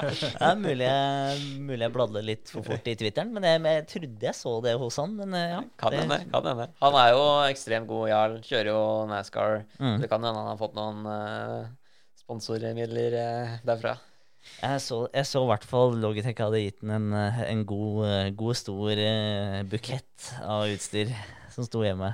Så Det er, jo, det er jo litt kjedelig sånn sett, da. At, at hvis du får tilbud om en feit sponsorkontrakt, men du veit at det utstyret de har, er ikke bra nok, så er det litt sånn derre ah, Hva gjør vi her, da? Skal vi ta penga, eller skal vi prøve å kjøre fort?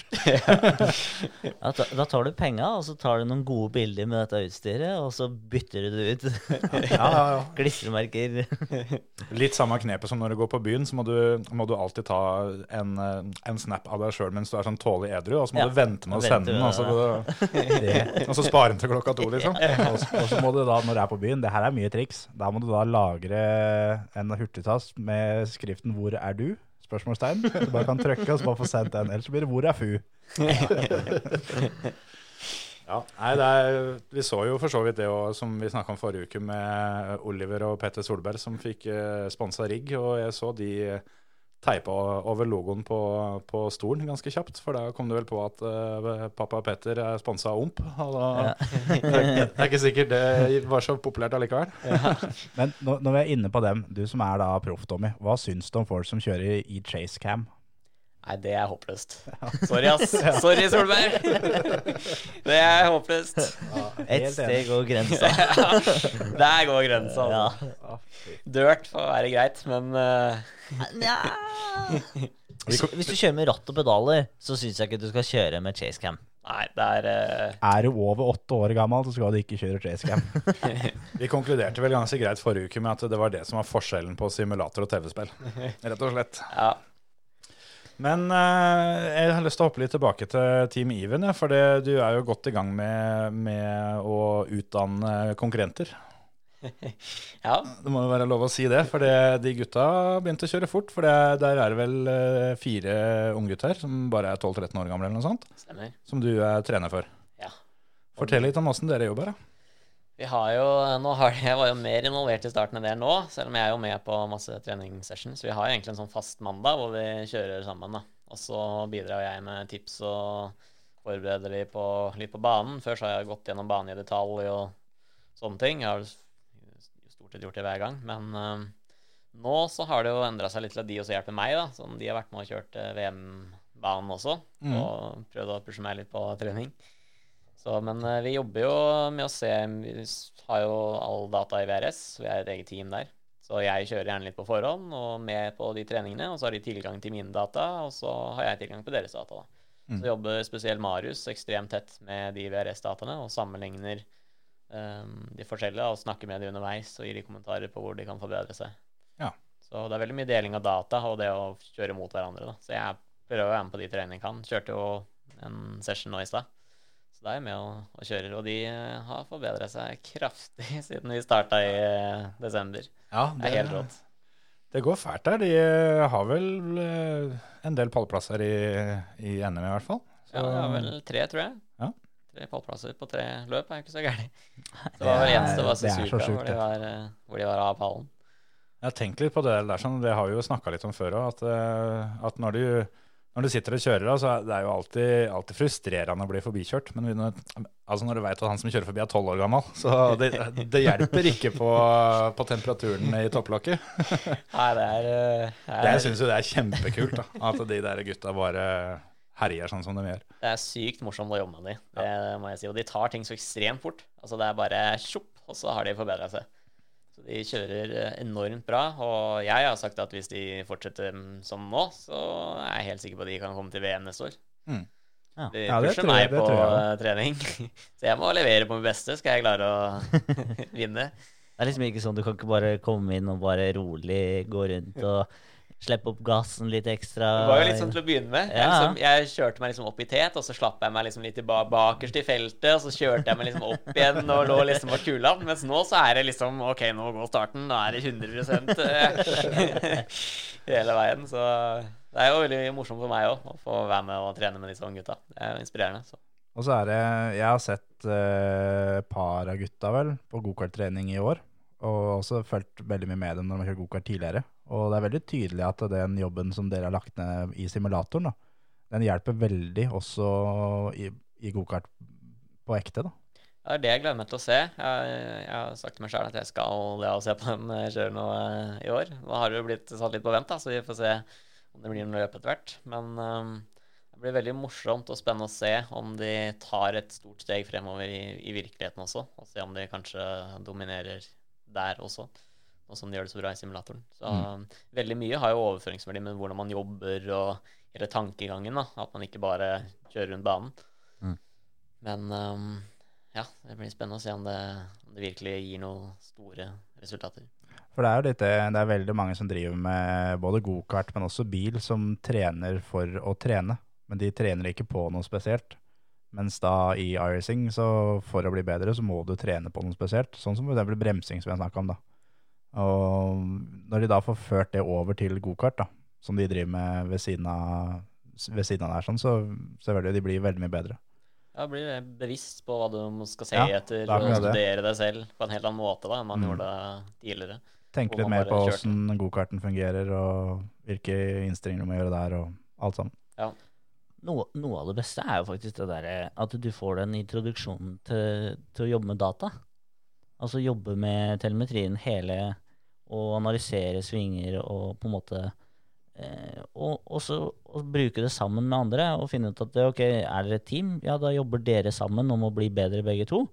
Mange er jo veldig redd for at det, hvis du deler hemmelighetene dine, så, så blir du frakjørt, liksom. Men ja, kanskje han deler noe. Du sliter i den svingen der. Da, da hjelper han deg også. Og, ved å liksom dele data sammen, f.eks., eller bare kikke på din egen data alene, kan jo også hjelpe deg veldig mye. Sånn at hvis du har én runde som, som eh, Eller du har to runder som er like, så kan du være eh, to tiendedeler kjappere på halvdel av banen på den runden. Og så kan du være to tiendedeler kjappere på den andre halvdelen den andre runden. Ja. Og så kan du se det at å ja, ja, men jeg gjorde det der. Kan jeg ikke bare prøve å gjøre det der den runden, eller jeg håper å si neste runde, sammen med det som jeg gjorde bra i andre halvdel. Da har du plutselig kjørt fire tider fortere. Det, det, det er akkurat det som jeg digger med iRacing, og som jeg gjerne skulle ønske jeg visste før. Det med VRS og det å bruke data. For det har jeg, både jeg og Emil ment i alle år, at for å bli ordentlig, ordentlig, ordentlig god i noe, så må du analysere det du gjør. Og du må bruke grafer for å finne ut av det. Og det er jo sånn Emil har jobba når han kjørte gokart, med, ja, med grafer. da, Og finne ut og analysere seg sjøl. Og du lærer til slutt å se på en graf at uh, ja, i den svingen der fikk jeg sladd. Det kan jeg se på den grafen her. Det høres helt teit ut for de som ikke har, har opplevd det der sånn. Men jo før folk får begynt med det på ekte, jo bedre kommer de til å bli det til slutt. Det Mm. tror jeg da de Even-gutta kommer til å gjøre også da når de kjører gokart på ekte nå. At de faktisk laster inn dataene fra laptimeren sin og, og se på det. Ja, det er eh, ganske rått når du er 12-13 år og allerede kan analysere data som en ingeniør. Mm. Så jeg tror den erfaringa der, å få den på i så ung alder, det er gull verdt. Det kommer til å bety mye fremover i karrieren deres også. Det gjelder jo også for de som, som vil satse på, på simracing også. Altså, data er key. Altså, du kan kjøre så mange runder du vil og teste på alt mulig som du tror går bedre, men du veit faktisk aldri helt hva du har gjort. Eh, sånn at eh, hvis det er noen som eh, skal opp og fram, så for guds skyld, skaff deg noe data. Ja. Og gjerne noen å sammenligne med òg. Gjerne. Du sitter jo litt på, på svaret på neste spørsmål jeg har, egentlig, i og med at uh, du kjører med disse Even-gutta. For det, jeg tenkte på hvor, hvor stort er spranget fra NM-toppen til VM? Det er ikke så veldig stort, Det er, jo, det er jo du og Sindre Setsås som kjører VM. Ja. Men uh, tror du det er flere som Altså, du har jo for så vidt allerede sagt at uh, Even, eh, Even-gutta kan kanskje melde seg på allerede neste år. Ja, Sindre har jo vunnet NM de to siste årene. Ja. Så er han jo ikke med i år, for han skal kjøre velger å fokusere på VM. Ja. Så uh, lista er jo Og det er jo mange som har utfordra Sindre i løpene også. Så eh, jeg vil si nivået i Norge er veldig høyt, selve toppnivået. Vi får jo kanskje svaret da med, med å se på Sindre i VM i år. Det, det blir jo på en måte den jeg første testen. Jeg tror Sindre kommer til å gjøre det veldig bra. Han har kjørt veldig forbedret seg veldig siste året. Så um, han uh, tror jeg kommer til å komme høyt opp. Mm. Så skal man si tidere, da, så ville jeg kanskje sagt uh, to-tre tideler. Ja. Det er det som skal til fra å nå VM. Nei, det er, da har alle Simracing Grand Prix-førere der ute noe å strekke seg etter. Da har jeg eh, ni tiendeler, cirka. Det er ikke så gærent, det, da. Nei, så Sjæl så har jeg da sju. Ja. Og jeg er kjappest i teamet på Interlagos foreløpig. Det er det. Jeg fikk ikke inn runden før, eh, før vi dro, eh, selv om det var nære. Så, Jeg tenkte bare, bare sånn for å sette skapet litt på plass eh, Er det sånn at du husker bestetida di på Interlagos? I huet. Ja. Jeg Sånn- satt den jo i stad, da. Da kjørte jeg jo. Så da var det eh, ganske raskt. ja jeg bare, jeg bare, Få høre. bare tenkte at du kan fortelle disse gutta her sånn, sånn at vi får jekka dem litt ned. For de dem, dem har vært litt vrange å ha med å gjøre her litt av stund, syns jeg. Så vi må få dem litt nedpå. Jeg kjører i hvert fall fortere enn Josh, da. Ja, det gjør jeg. ja, det gjør vi jo, heldigvis. Få høre. Kom igjen. Nei, da ødelegger jeg for uh, Iben, vet du. Kan ikke gjøre det. Nei, da får vi ta den Vi får av si det, lufta si, etterpå. si det etter løpet. Ja. Det er, eh, det er i orden. Men, men Simracing Grand Prix det har blitt ekstremt mye større i år enn hva det har vært før. Både pga. koronakrisa, selvfølgelig, men også pga. hele opplegget rundt, som har blitt mye mer proffere. Der eh, har du gjort en drøyt bra jobb. Jo, takk. Og hvor mye tid er dere setter av til det? Sånn med tanke på at du har VM også? Altså Nå blir det litt mindre, da, så jeg pusha på ganske mange måneder før egentlig noe ble annonsert, for å få på plass websida, for den er jo jeg som har laga. Det er en av de bedre websidene òg, faktisk. Ja. Takk. Så det er jo med betalingsløsning og automatisk integrasjon med resultater fra iRacing. Og så når det er prekval, da, så bare laster jeg ned de filene fra iRacing, og så trykker man knapper, og så poff, så blir det sendt ut eh, hvem som har kommet i hvem finale, og alt sånt skjer automatisk. da. Så den eh, var det veldig mye jobb eh, bak. Så den er verdt litt. Men nå så er det jo litt mindre, fordi eh, jeg er jo VM, så jeg er ikke like involvert lenger nå som jeg var tidligere. Så Joakim og Henrik er de som drar lasset nå om dagen. Men det er jo litt sånne påmeldinger og sørge for at folk har riktig profil med bilder, og jeg sitter jo og klipper ut alle sammen. Fra alle førerne fra bildene deres også. Så de skal funke på overlayen på streamen og sånn, da. Så eh, det er litt sånne småoppgaver eh, hele tiden. Men uh, nå er det ikke for min del noe mer enn maks en time, jeg sier fire timer cirka i uka, da. Hva er det neste for Simracing Grand Prix nå? Nå har vi fått NM-status. Hva, hva er det neste? Vi skal ha en ny høstsesong, da. For nå har vi jo delt opp i år, da, så det blir to sesonger. Så vi skal ha en ny, uh, dra i gang en ny sesong etter hvert, sånn at det blir litt mer aktivitet. For vi prøvde jo i utgangspunktet å unngå sommeren, for da er det jo masse motorsport. Men uh, sånn har det jo ikke blitt, så vi må jo se om vi finner på noe nytt, da. Vi driver og snakker mye om å lage noe annet, eller i hvert fall noe, noe mer. Utvide det på et eller annet vis, så vi får noe mer løp framover, da, siden det er stopp i alt annet. Lage en mellomsesong, rett og slett. Ja. Mm. Så får vi se hva det blir, da. Vi har jo lekt litt med tanken på skal vi ha Norges første 24-timersløp, eller eh, Vi er med.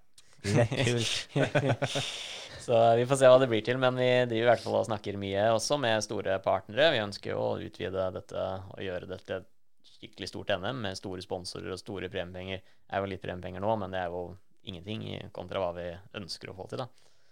Så vi vil jo at dem som klarer å vinne NM, skal kunne leve ganske godt på det i en god stund, da. For det, det har jo på en måte kommet inn eh, i store aviser, det har jo vært på, omtalt i VG, og ballen begynner å rulle ganske greit nå. da. Ja, jeg gjør det, altså. Vi har vært i mange møter også. Så det er, eh, men koronavirusperioden har jo både vært positiv og negativ. Så vi har jo kommet på radaren til veldig mange, men det er ikke alle som har penger eller midler tilgjengelig akkurat nå til å Mm. gjøre en sånn satsing. Men eh, vi ser jo at vi får veldig mye oppmerksomhet på på NRK Kveldsnytt. Jeg skulle til å si det. Og det var bare helt ut av det blå, så det er veldig morsomt å se hvor mye oppmerksomhet vi får. Så det gjelder å bygge på det og prøve å profesjonalisere ting enda mer.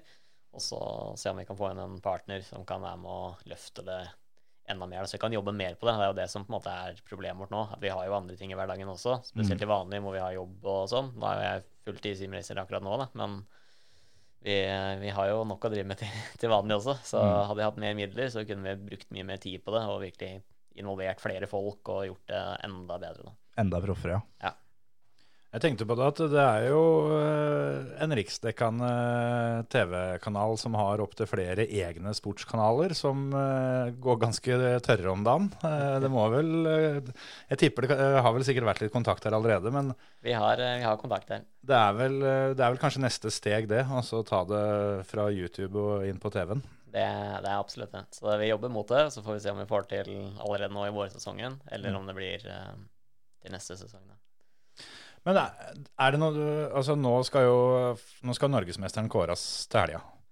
Eh, er, det, er det muligheter for at det blir en NM-tittel til da, eller til, til høstsesongen, eller åssen er det det der egentlig Akkurat det har vi ikke snakka om. Alt vi vet, er at eh, vi skal i hvert fall kåre en eh, norgesmester nå. Ja. så får vi se om vi kå- kårer en Simracing Grand Prix eh, høstsesongmester Ja, ja. på slutten, eller hva vi gjør. Men den som vinner finalen nå, er- blir i hvert fall Eller den som vinner Simracing Grand Prix nå, Mhm. er eh, i hvert fall norgesmesteren 2020 i, i simracing. Det blir, det blir spennende å se. Altså, Det har jo også rent på noe alvorlig med mennesker som har meldt seg på også. Har du sånn cirka tall på hvor mange som er med nå? Akkurat nå er det 145 påmeldte som er godkjent, og så er det ja, en del til si fire-fem stykker som ikke er godkjent pga. bildemangler eller noe sånt noe. Så jeg tipper vi blir rundt 150 før eh, finaleløpet. Det er ganske heftig, altså. Hvor Da, mange, da blir det trafikk, altså. Ja, det blir bra. hvor mange var det på, var det på finaleløpet forrige sesong, for, til sammenligning? Finaleløpet, det var en veldig lang sesong, da. Det var vel eh, sju løp. Og sist løpet så var det 30. Fylte så vidt finalen der. Og, Vi hadde en B-finale hver gang, så det var stort sett 15 i den, da. Men siste gang så var det sånn Det dukka opp fem, ja. Og fem går videre til A-finalen. Så ja ja, der blir det A-finalen. gratulerer. Nå begynner vi å stokke oss et stykke ned i alfabetet på, på finalene her, hvis det er Nå 150 Begynner å bli, begynner å bli kreativ, da. Ja. Ja, men det, det er gøy, det, da. Når, når det virkelig begynner å dukke opp mange. Og så er det jo, for de som sitter der ute og tenker at det hadde vært gøy å være med, så, så må en jo si det at uh, det er ikke alle som kjører like fort som dere tre. Det, det, det er noe for alle. Det er det. Og det er det vi ønsker også, at det skal være noe alle kan være med på. Så det er veldig mange som sier at ja, men jeg er ikke god nok enda. Men det er jo veldig Altså én ting er den A-finalen som man ser, det er jo nivået skyhøyt. Men det er jo veldig mange flere løp som kjører samtidig. Så du vil alltid finne noen som er på ditt nivå, da. Så det er ikke Det er jo det som er hele ja, ja, altså Hele knepet med den prekvalen er jo at du da blir satt i en finale med de som har kjørt ca. like fort som det. Sånn at du får, eh, du får være med på en, en spennende finale og får den uh, man si, Du får den opplevelsen der, da.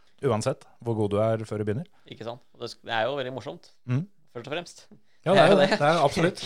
Men, er det jo- akkurat det der sånn husker jeg fra gamle gokart-tida, når vi kjørte mini og det var liksom over 100 deltakere. Det var kulere å vinne B-finalen enn å bli nummer 22 i A-finalen. Ja. Da vant du jo faktisk noe.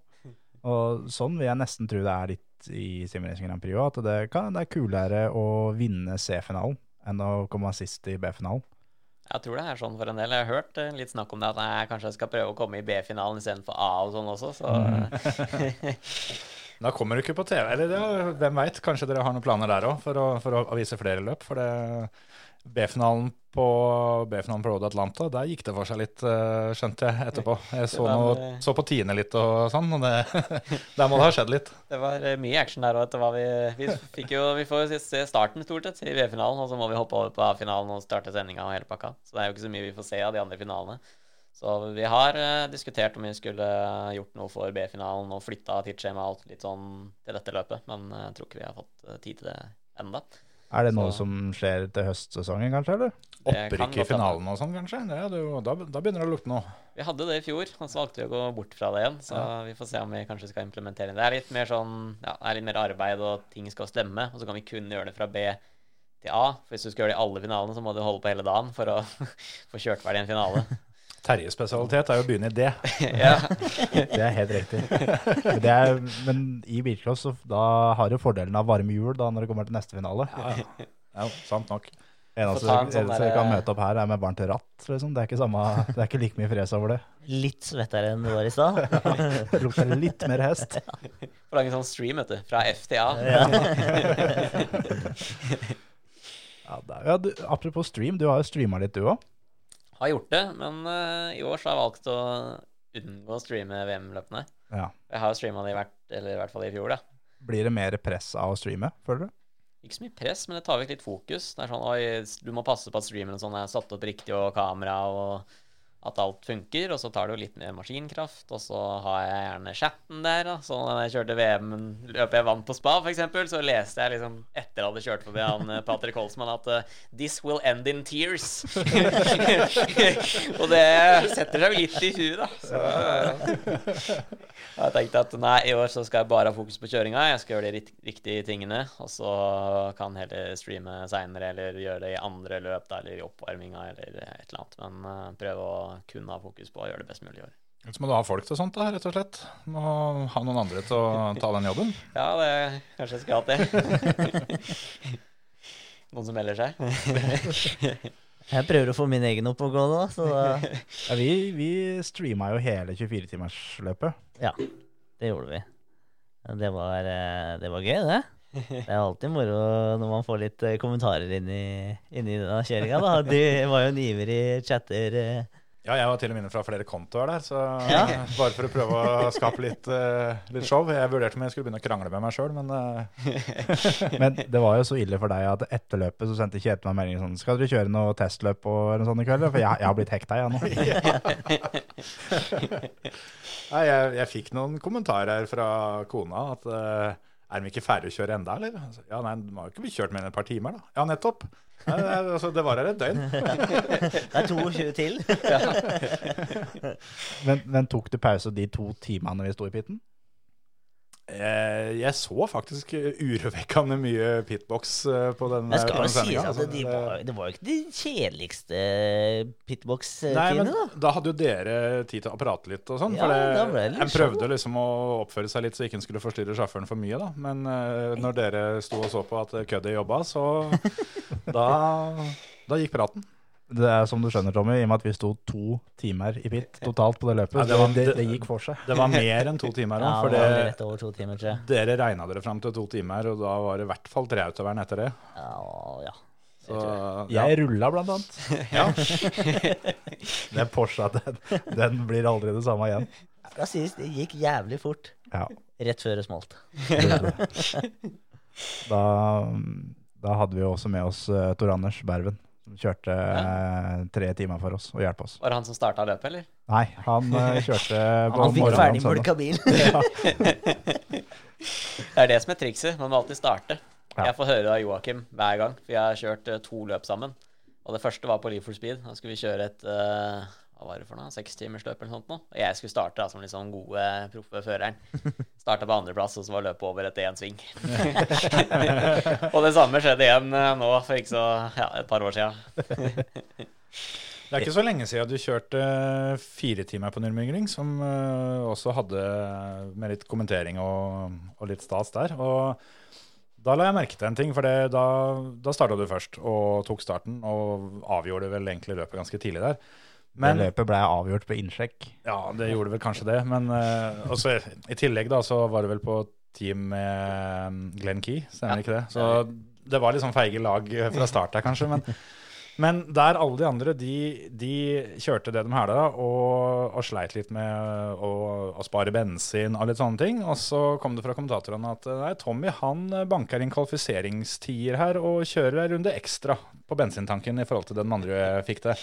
Åssen skjer det?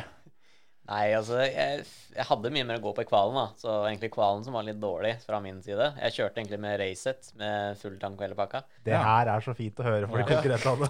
Ja, ja, for jeg tenkte at det, det var den eneste tingen jeg hadde tenkt på som kunne være svaret. Det var at kvalen var dårlig. Og det var litt Ja. godt å høre, for jeg tenkte at det, så sjukt kan det ikke være. Men eh, det, det var rett og slett det. Jeg var det, så jeg, jeg unngikk å tanke det. Så jeg kjørte, det var jo en ganske lang kval, så jeg fikk jo mindre drivstoff etter hvert. Og så kjørte jeg bare inn i piten og bytta dekk, og så var det en ny runde. Men eh, så hadde jeg trafikk på siste runden hvor jeg hadde minst fuel, og den kunne vært eh, enda bedre. Men, mm. Så det var ikke en kjempetid på kval, og så har jeg jo trent mye på det med å eh, ja, spare drivstoff. da. Kjørte jo Daytona 24-timeren tidligere år, som vi vant. Hey. Da slo du Max Verstappen. Stemmer det. Så det var artig. Men da så jeg har jo det veldig inne, da. Det sitter i foten. Så det er jo bare at du slipper å gassen litt tidligere og bremse litt senere. Så jeg følte jeg hadde god kontroll på det løpet. Og så hadde jeg kjørt mye der. Jeg har kjørt veldig mye på ringen nå de siste månedene, egentlig siden januar. For jeg hadde ikke kjørt noe på ringen noe særlig før. Annet enn sånn Jeg kan banen, men ikke godt 100% Så i uh, januar så begynte jeg å trene, for det- det skal være en del av VM-løpene i år. Ja, det så vi. Hele banen. Yes, tre runder. Ja, Nord Nordsløyfa så jeg sto på lista. Det var jo Yes. et par kule baner på Lama, Mans. altså. Ja. Sånn at eh, du Det blir veldig gøy å se det løpet på Nordsløyfa. Ja, det blir heftig, altså. Et lite tips om fra førermøteredaksjon, så går bilen ganske greit med rattet ti grader til venstre når bilen går rett fram. Da det funka helt fint. Det har vi nemlig prøvd i 20 timer. Så det Jeg vil si sånn fem av de 20 timene også var med 90 omtrent til venstre. Ja, nå har vi bare tre runder, da, så Ja, han kjører bare tre runder? ja, i VM-løpet. Wow. Det er ikke så mye å gjøre det, gjøre det på. Altså, det er som å kjøre de Håper å si iRacing offi- offisielle treningsløpa. Eller ikke treningsløpa, men eh, serieløpa er det vel det heter. Jeg vet ikke hvor mange runder det er. Det tre det er tre. runder. Det er tre, ja, det blir det samme. Så blir det sprintløp Ja. Det er jo litt fortvilende da, hvis du, hvis du ligger og kniver med en bil som ligger foran deg, og så, og så ser du det at ah, i den svingen gjør den en feil. Men så, ah, vi får ikke den sjansen så mange ganger. Så det, det gjør det. ikke så mye. Det er fire minutter til neste forbikjøringsmulighet. Hvem andre, eh, altså Vi kan jo begynne med det. Hvem bane skal du kjøre på til lørdag, når eh, VM starter? Da er det Sandvort. Ja. Og så er det bare en uke til, så er det Barcelona. Se der, ja. Det er tre løp i mai. Så det eh, starter brutalt. Hvor mange VM-runder er det totalt? Ti. Ti runder. Det, da går det unna. Det gjør det. Så du har to runder nå på de to første helgene, og så tredje løpet da kjapt etterpå? Ja. Da er det et par uker, og da blir det gjerne et par-tre uker mellom hvert løp eh, videre da, utover i sesongen. Mm. Så da blir det ikke noe sommerferie i år. Det hadde vel ikke blitt uansett, så det er ikke så farlig. Men det er veldig greit på at den slipper, da. Ja, ja. Jeg, jeg regner jo med at, eh, at du går for å bli verdensmester, men eh, altså har, du, har du noen sånne Kall det delmål, da. Sånn som gutta her tenker at ja, ok, vi, først da kommer vi oss til A-finalen, og så tar vi det derfra. Har du noe sånn der ja, Jeg skal i hvert fall kvalifisere meg topp ti, eller er, er vi på topp fem, eller går du for pole direkte, eller hva? Jeg har jo, jeg ble nummer ti sammenlagt i fjor, og så Ja. tok jeg jo én seier. Så jeg tenker at jeg kan ikke, kan ikke ha noe mål som er noe dårligere enn det. Så eh, tanken i år er å bli Eller tanken Håpet er i hvert fall å bli topp fem sammenlagt. Mm. Ja. Så det er det jeg kjemper for. Så derfor så er eh, innstillinga offensiv, og da veit jeg at jeg må plukke noen seire også. Så vi går for gull. Satser på pole. Og det er jo ganske grei premie i den serien der òg. Begynner å bli litt penger. Er det 200 000 dollar? Ja, i totalt, da. Så vinneren får eh, 50 000 dollar. Ja, For når du vant en runde i fjor, så fikk du 1000 dollar i premie. Og det har vel økt litt òg hvis du vinner en runde i år. Det er faktisk samme. Er det? Ja. Yes. Men vi fikk jo også premiepenger for sluttplasseringa i fjor. Ja, ja. Så den er jo dobla for alle, egentlig. Alle posisjoner. Det er topp 20 som får eh, premiepenger, og får lov til å være i VM neste år også. Så er utenfor topp 20, da er det kjipt. Da er det Jeg kjipt. syns jeg så du endte på en 3750 dollar eller noe sånt nå. Det kan eh, stemme godt, det. Ja. Det, det er ålreit uh, beløp å se en komme inn på måte, det. Funker fint, det. Og så ble det litt ekstra, for det var et sånn gjesteløp og- eller sånn ekstraløp midt i Ah. sesongen som ikke telte i mesterskapet. Men um, som var et sånn one-off-event hvor de topp seks i sammendraget ble invitert til eh, Det var sånn der, eh, et av de største bilshowene et eller annet i Tyskland. Ja. I Frankfurt. Og da var jeg topp seks da de kjørte der fysisk live, mens vi andre satt hjemme. da, Så det var litt fordel sånn sett. Men da var det samme setup, baseline og full pakke. Og da ble jeg nummer tre. Nei, to. To, tre. Tre ble jeg. Så da ble det litt eh, ekstra cash der òg. Du, du klarer å leve godt på, på simracing. Lever godt det er veldig detalj, men eh, Du kjører jo Porsche, så jeg vet ikke jeg kan si det, det er ikke simracinga som gjør det mulig. Men eh, Nei, men nå, nå, nå tenker jeg ikke rene resultater, nå tenker jeg mer eh, altså opplegg. da, Alle vet jo da at selv motorsportfolk lever jo gjerne ikke med mindre du kjører i DTM eller Formel 1. eller Det er gjerne man, man coacher og man gjør jobber ved siden av og sånt noe, da. Så hvis du tenker å hele e-sport da, som en jobb, Ja. så kan du leve fint på det. Ja, kan det. Ja. Så jeg har det veldig greit i hverdagen. Ja, Nei, men det er bra. Det er gøy å se at noen får til det som ekstremt mange drømmer om. Jeg tror det er mye lettere, da. Eller det kan man si, nivået er jo skyhøyt, men jeg tror det kommer til å bli mer av det i framtiden. At Mm. det kommer til å bli flere som tjener penger på e-sport, enn det kanskje er i virkeligheten, sånn Ja. rent førermessig. Ja. For det er jo mange som lever på mot motorsport, som om mekanikere osv. Det er det jo ikke like mange av i, i e-sport. Men du har jo de som lager, utvikler spillene, da, eller Ja. simulatorene, men, og produkter og sånne ting. De eh, gutta bak iRacing, de har det fint om dagen. den har det greit. Det har kommet, Jeg vet ikke om du har noe tall på det, hvor mange nye iRacing-brukere det har kommet eh, siden koronatida, men det er sinnssykt mye. Det er ganske mange. Jeg så en eh, sånn oversikt for ganske lenge siden, og helt i starten av koronaperioden. Da var det um, sammenligna på en uke da, med samme tidspunkt i fjor. I fjor var det sånn 1700 nye den uka. Mens i år så var det sånn 5000 eller noe sånt. Mm. Og den grafen eh, pekte ganske bra oppover, så Det er liksom sånn, det hjelper jo å være på, på FS1, eh, og det var vel IndyCar sendte de vel på, på NBC, tror jeg. ja, både NASCAR og IndyCar, tror jeg. Ja. Ja, NASCAR har vel gått på, på Fox, er det vel? Ja, det kan stemme. Sorry. Den har jeg sett. Det er svære Det er bra. Det er bra noen har peiling. Ja, Det er store, tunge amerikanske eh, TV-kanaler, så det kan jo sammenlignes for oss da, at det går på NRK og TV2, på en måte. Ja, og det er liksom ikke, det er ikke sånn at de bare sender det der og lar andre gjøre jobben. Nei, de sitter med liksom de vanlige som analyserer løpa og kommer med strategitips og Ja. liksom det, er, det er fullt opplegg, og det er ordentlig, og det, det er kult. Det er dritkult å se at det, det kommer seg fram. Det begynte allerede i fjor, faktisk. De sendte hovedløpet, det var på NBC. Det var eh, siste løpet i NASCAR. Har jo sånn The Ja. Chase. Sånn siste løpet bestemmer hvem som vinner. Og da sendte de det live på NBC. Siste skal- kun med e-sport-gutta. Nå skal det vel sies at NASCAR har vel kanskje vært den som har støtta det mest, med tanke på at uh, han som starta hele sirkuset, er kommer jo fra NASCAR-bakgrunn. Ja. Og, og hatt med seg et par eh, store, store navn innafor NASCAR da, til å hjelpe å bygge opp hele greiene. Men, eh, men de har jo vært eh, ekstremt støttende hele tida, så NASCAR er jo, er jo inne som sponsor. Ja, det er det. De er, de er kjempeflinke på sosiale medier og sånn også. De tweeter jo og poster om ting hele tiden. Ja. Så Her på, der har her på jo TikTok er de òg. TikTok er det jo, ja. Det er helt riktig. Der var jo Porsche litt usynlig i fjor, da. Så vi har jo håpa at Porsche skal steppe up match. Ja. Og det har de gjort så langt. Vi har jo fått litt mer blest. Så de har jo starta egen Twitch-kanal og full pakke. Ja, ja. Jeg så det var opplegg der nå. Det blir spennende å se. Men eh, du har vært med i OL. Hvis noen hadde sagt det til deg for fem år siden, at eh, med hjemme da oppsett fra, fra promperommet og med Simen eh, at du skal delta i OL, du hadde jo ledd av dem. Jeg hadde det. Men åssen var det? Eh, veldig spesielt, for det var jo eh, Fia er jo helt inne De har jo forlova seg, holdt jeg på å si, med Gran Turismo. Så det er jo litt annerledes enn det jeg driver med til vanlig, da. Så Gran, Gran Turismo, er det oppsi, bilspill, eller er det simulator? det er bilspill. Ja. Det er det, altså. Så jeg måtte jo dra i butikk Det funker jo ikke med Får jo ikke brukt det rattet mitt og sånn til det. Så jeg måtte dra i butikken og handle. Jeg kjøpte faktisk et brukt G29-ratt som jeg kunne koble til PlayStation på forhånd. Og dette satt jeg da opp og kobla til TV-en i stua. Og så satt jeg på gulvet inn, med ryggen inntil sofaen. Og så hadde jeg rattet kobla i stuebordet.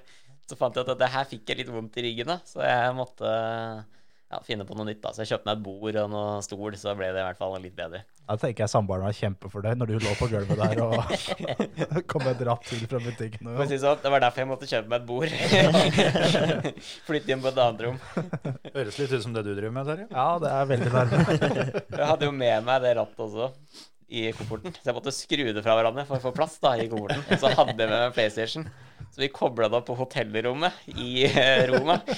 Og da måtte vi ta ned TV-en og sånn, da, og, for den hang jo på veggen. Jeg kunne liksom ikke sitte og se opp. eh. Og eh, ja, det, det så litt rart ut. Men det var jo veldig morsomt da å få være med. Det var jo mange, morsomt at det var så mange nasjoner. Det var 32 stykker eller noe nå. Så det var jo folk fra hele verden, og kult med scener og sånne ting. Men det var, det var ikke helt uh, samme som å kjøre iRacing. Det var det ikke. Åssen eh, åssen endte det til slutt? Jeg kom alltid i finalen, så det var jeg superfornøyd med. Det var egentlig målet. At hvis jeg skulle komme til finalen, da klarte jeg det, så skulle jeg være fornøyd. Så gikk det jo egentlig mye bedre enn som så. da Jeg var inne blant topp fem egentlig hele tida. Så jeg starta på femteplass i finalen, og så ble jeg kjørt på i første svingen. Så jeg datt nedover, og så gjorde jeg noen feil, og så ble jeg nummer elleve da til slutt. Så eh, Ja, ja, men det, det er ikke gærent i det hele tatt. Nei. Jeg Men ikke, det- hadde vært, hadde sagt det før, da, før jeg dro ned dit. Aldri kjørt Gran Turismo før liksom et, mm, noen dager før. Vi- Hvis noen hadde sagt det til deg når du liksom lå sånn på, ned på ryggkulen hjemme i stua, at du- du kommer til finalen, liksom, så hadde det vært greit. Da hadde det vært greit. Du skal kjøre eh, OL-finale i det, i det greiene som du driver med nå om en ukes tid.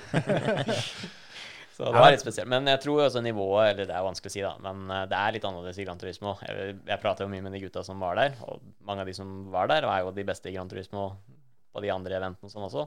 Og det er ikke helt det samme utstyret som det vi har eh, i iRacing. Det er hjemmesnekra opplegg med TV-en eh, og ja.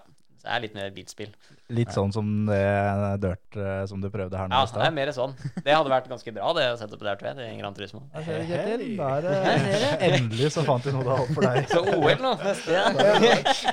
Kjetil Flåten, olympier, skal det stå på grava. Er, det- er det Paralympics? i det? Ja, da, da har jeg en sjanse, kanskje. Men vi, vi må jo, når vi først nevnte det, den uh, dirt-konkurransen vår Endelig så har vi nå en gjest i studio igjen, så da har vi jo liksom fått satt ei tid der.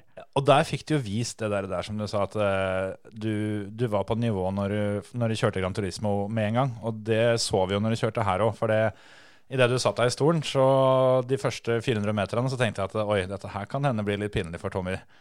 Uh, og så sa du det at uh, ja, jeg, jeg tror kanskje jeg har kjørt dirt én gang for lenge siden. Og så dura du til mål på den ene, ene treningsrunden, og den tida hvor det begynte med litt armer og bein, den var ikke så verst, den heller. Så det var jo ikke noe, det var ikke noe tvil om at du, du har talentet for dette her, da. Det, uansett hva det er, er det et ratt og pedaler som er plugga i veggen, så går det fort. Ja. For, der har vi da Stian Ormestad som uh, leda konkurransen vår på 3.13,7. Og jeg tenkte jo det først når Tor Anders Berven var her, at nå kommer en simracer, nå, skal- nå skal han få kjørt seg. Men uh, Tor Anders klarte ikke å slå han. Det gjorde dessverre ikke du heller. Så Stian Ormestad han leder fortsatt, men du går inn på en andreplass da, Ja, med tida 3.18,4. Én gjennomkjøring til, da hadde du tatt den, tror jeg. Det tror jeg første taperen. Ja, første taperen. Andreplass er også jettebra. Ja. Du slo Tor Anders, da. Det var kanskje det viktigste for deg. Ja, hadde jeg ikke gjort det, det, det hadde vært uh, Det hadde vært pinlig. Sorry, Tor Anders, men uh, såpass skulle bare mangle. Skal vi eh, kalle det en dag, eller? Ja, det kan vi gjøre. Det har vært fryktelig trivelig å ha deg på besøk, men uh, vi skal ikke ta opp mer av tida di. For det som vi har vært inne på før, den, uh, den dagsplanleggeren din den er så stram at den lille fritida du har, den, eh, den skal du få lov å beholde. Så jeg tror vi bare skal takke for besøket og ønske deg veldig mye, mye lykke til i VM. Tusen takk for det, og tusen takk for at jeg fikk lov til å komme. Det har vært veldig, veldig trivelig. Hvor kan folk se VM-løpet til lørdag? Det må vi jo ta med oss. Det går på YouTube og på Twitch, på Porsche sine kanaler og på iRacing sine. Så søk opp eh, Porsche på YouTube, så finner man helt sikkert. Porsche Tau Hoier eSports Supercup er det fine navnet. Vi gleder oss. Vi skal hjem til Tor Anders og se det kinoen hans. For han er, eh, han er en type som har kino hjemme. Disse simracerne, altså kino hjemme og kjøre Porsche og det, det er tydelig dere har funnet veien, gutter, til, til det gode liv. Det er helt riktig. Jeg Vi slipper de der store utgiftene det som man har i vanlig motorsport. Det er litt billigere når du kan trykke på en knapp istedenfor å, å fikse bilen hvis det går gærent. Det er litt billigere. Med det så takker vi for oss eh, for denne uka. Så kommer vi tilbake om eh, ei uke, og da har vi vel eh, sjølveste Glenn Fossen som gjest. Da har vi lederen av kartingseksjonen som gjest. Det blir spennende. Takk for nå. Ha det. Ha det.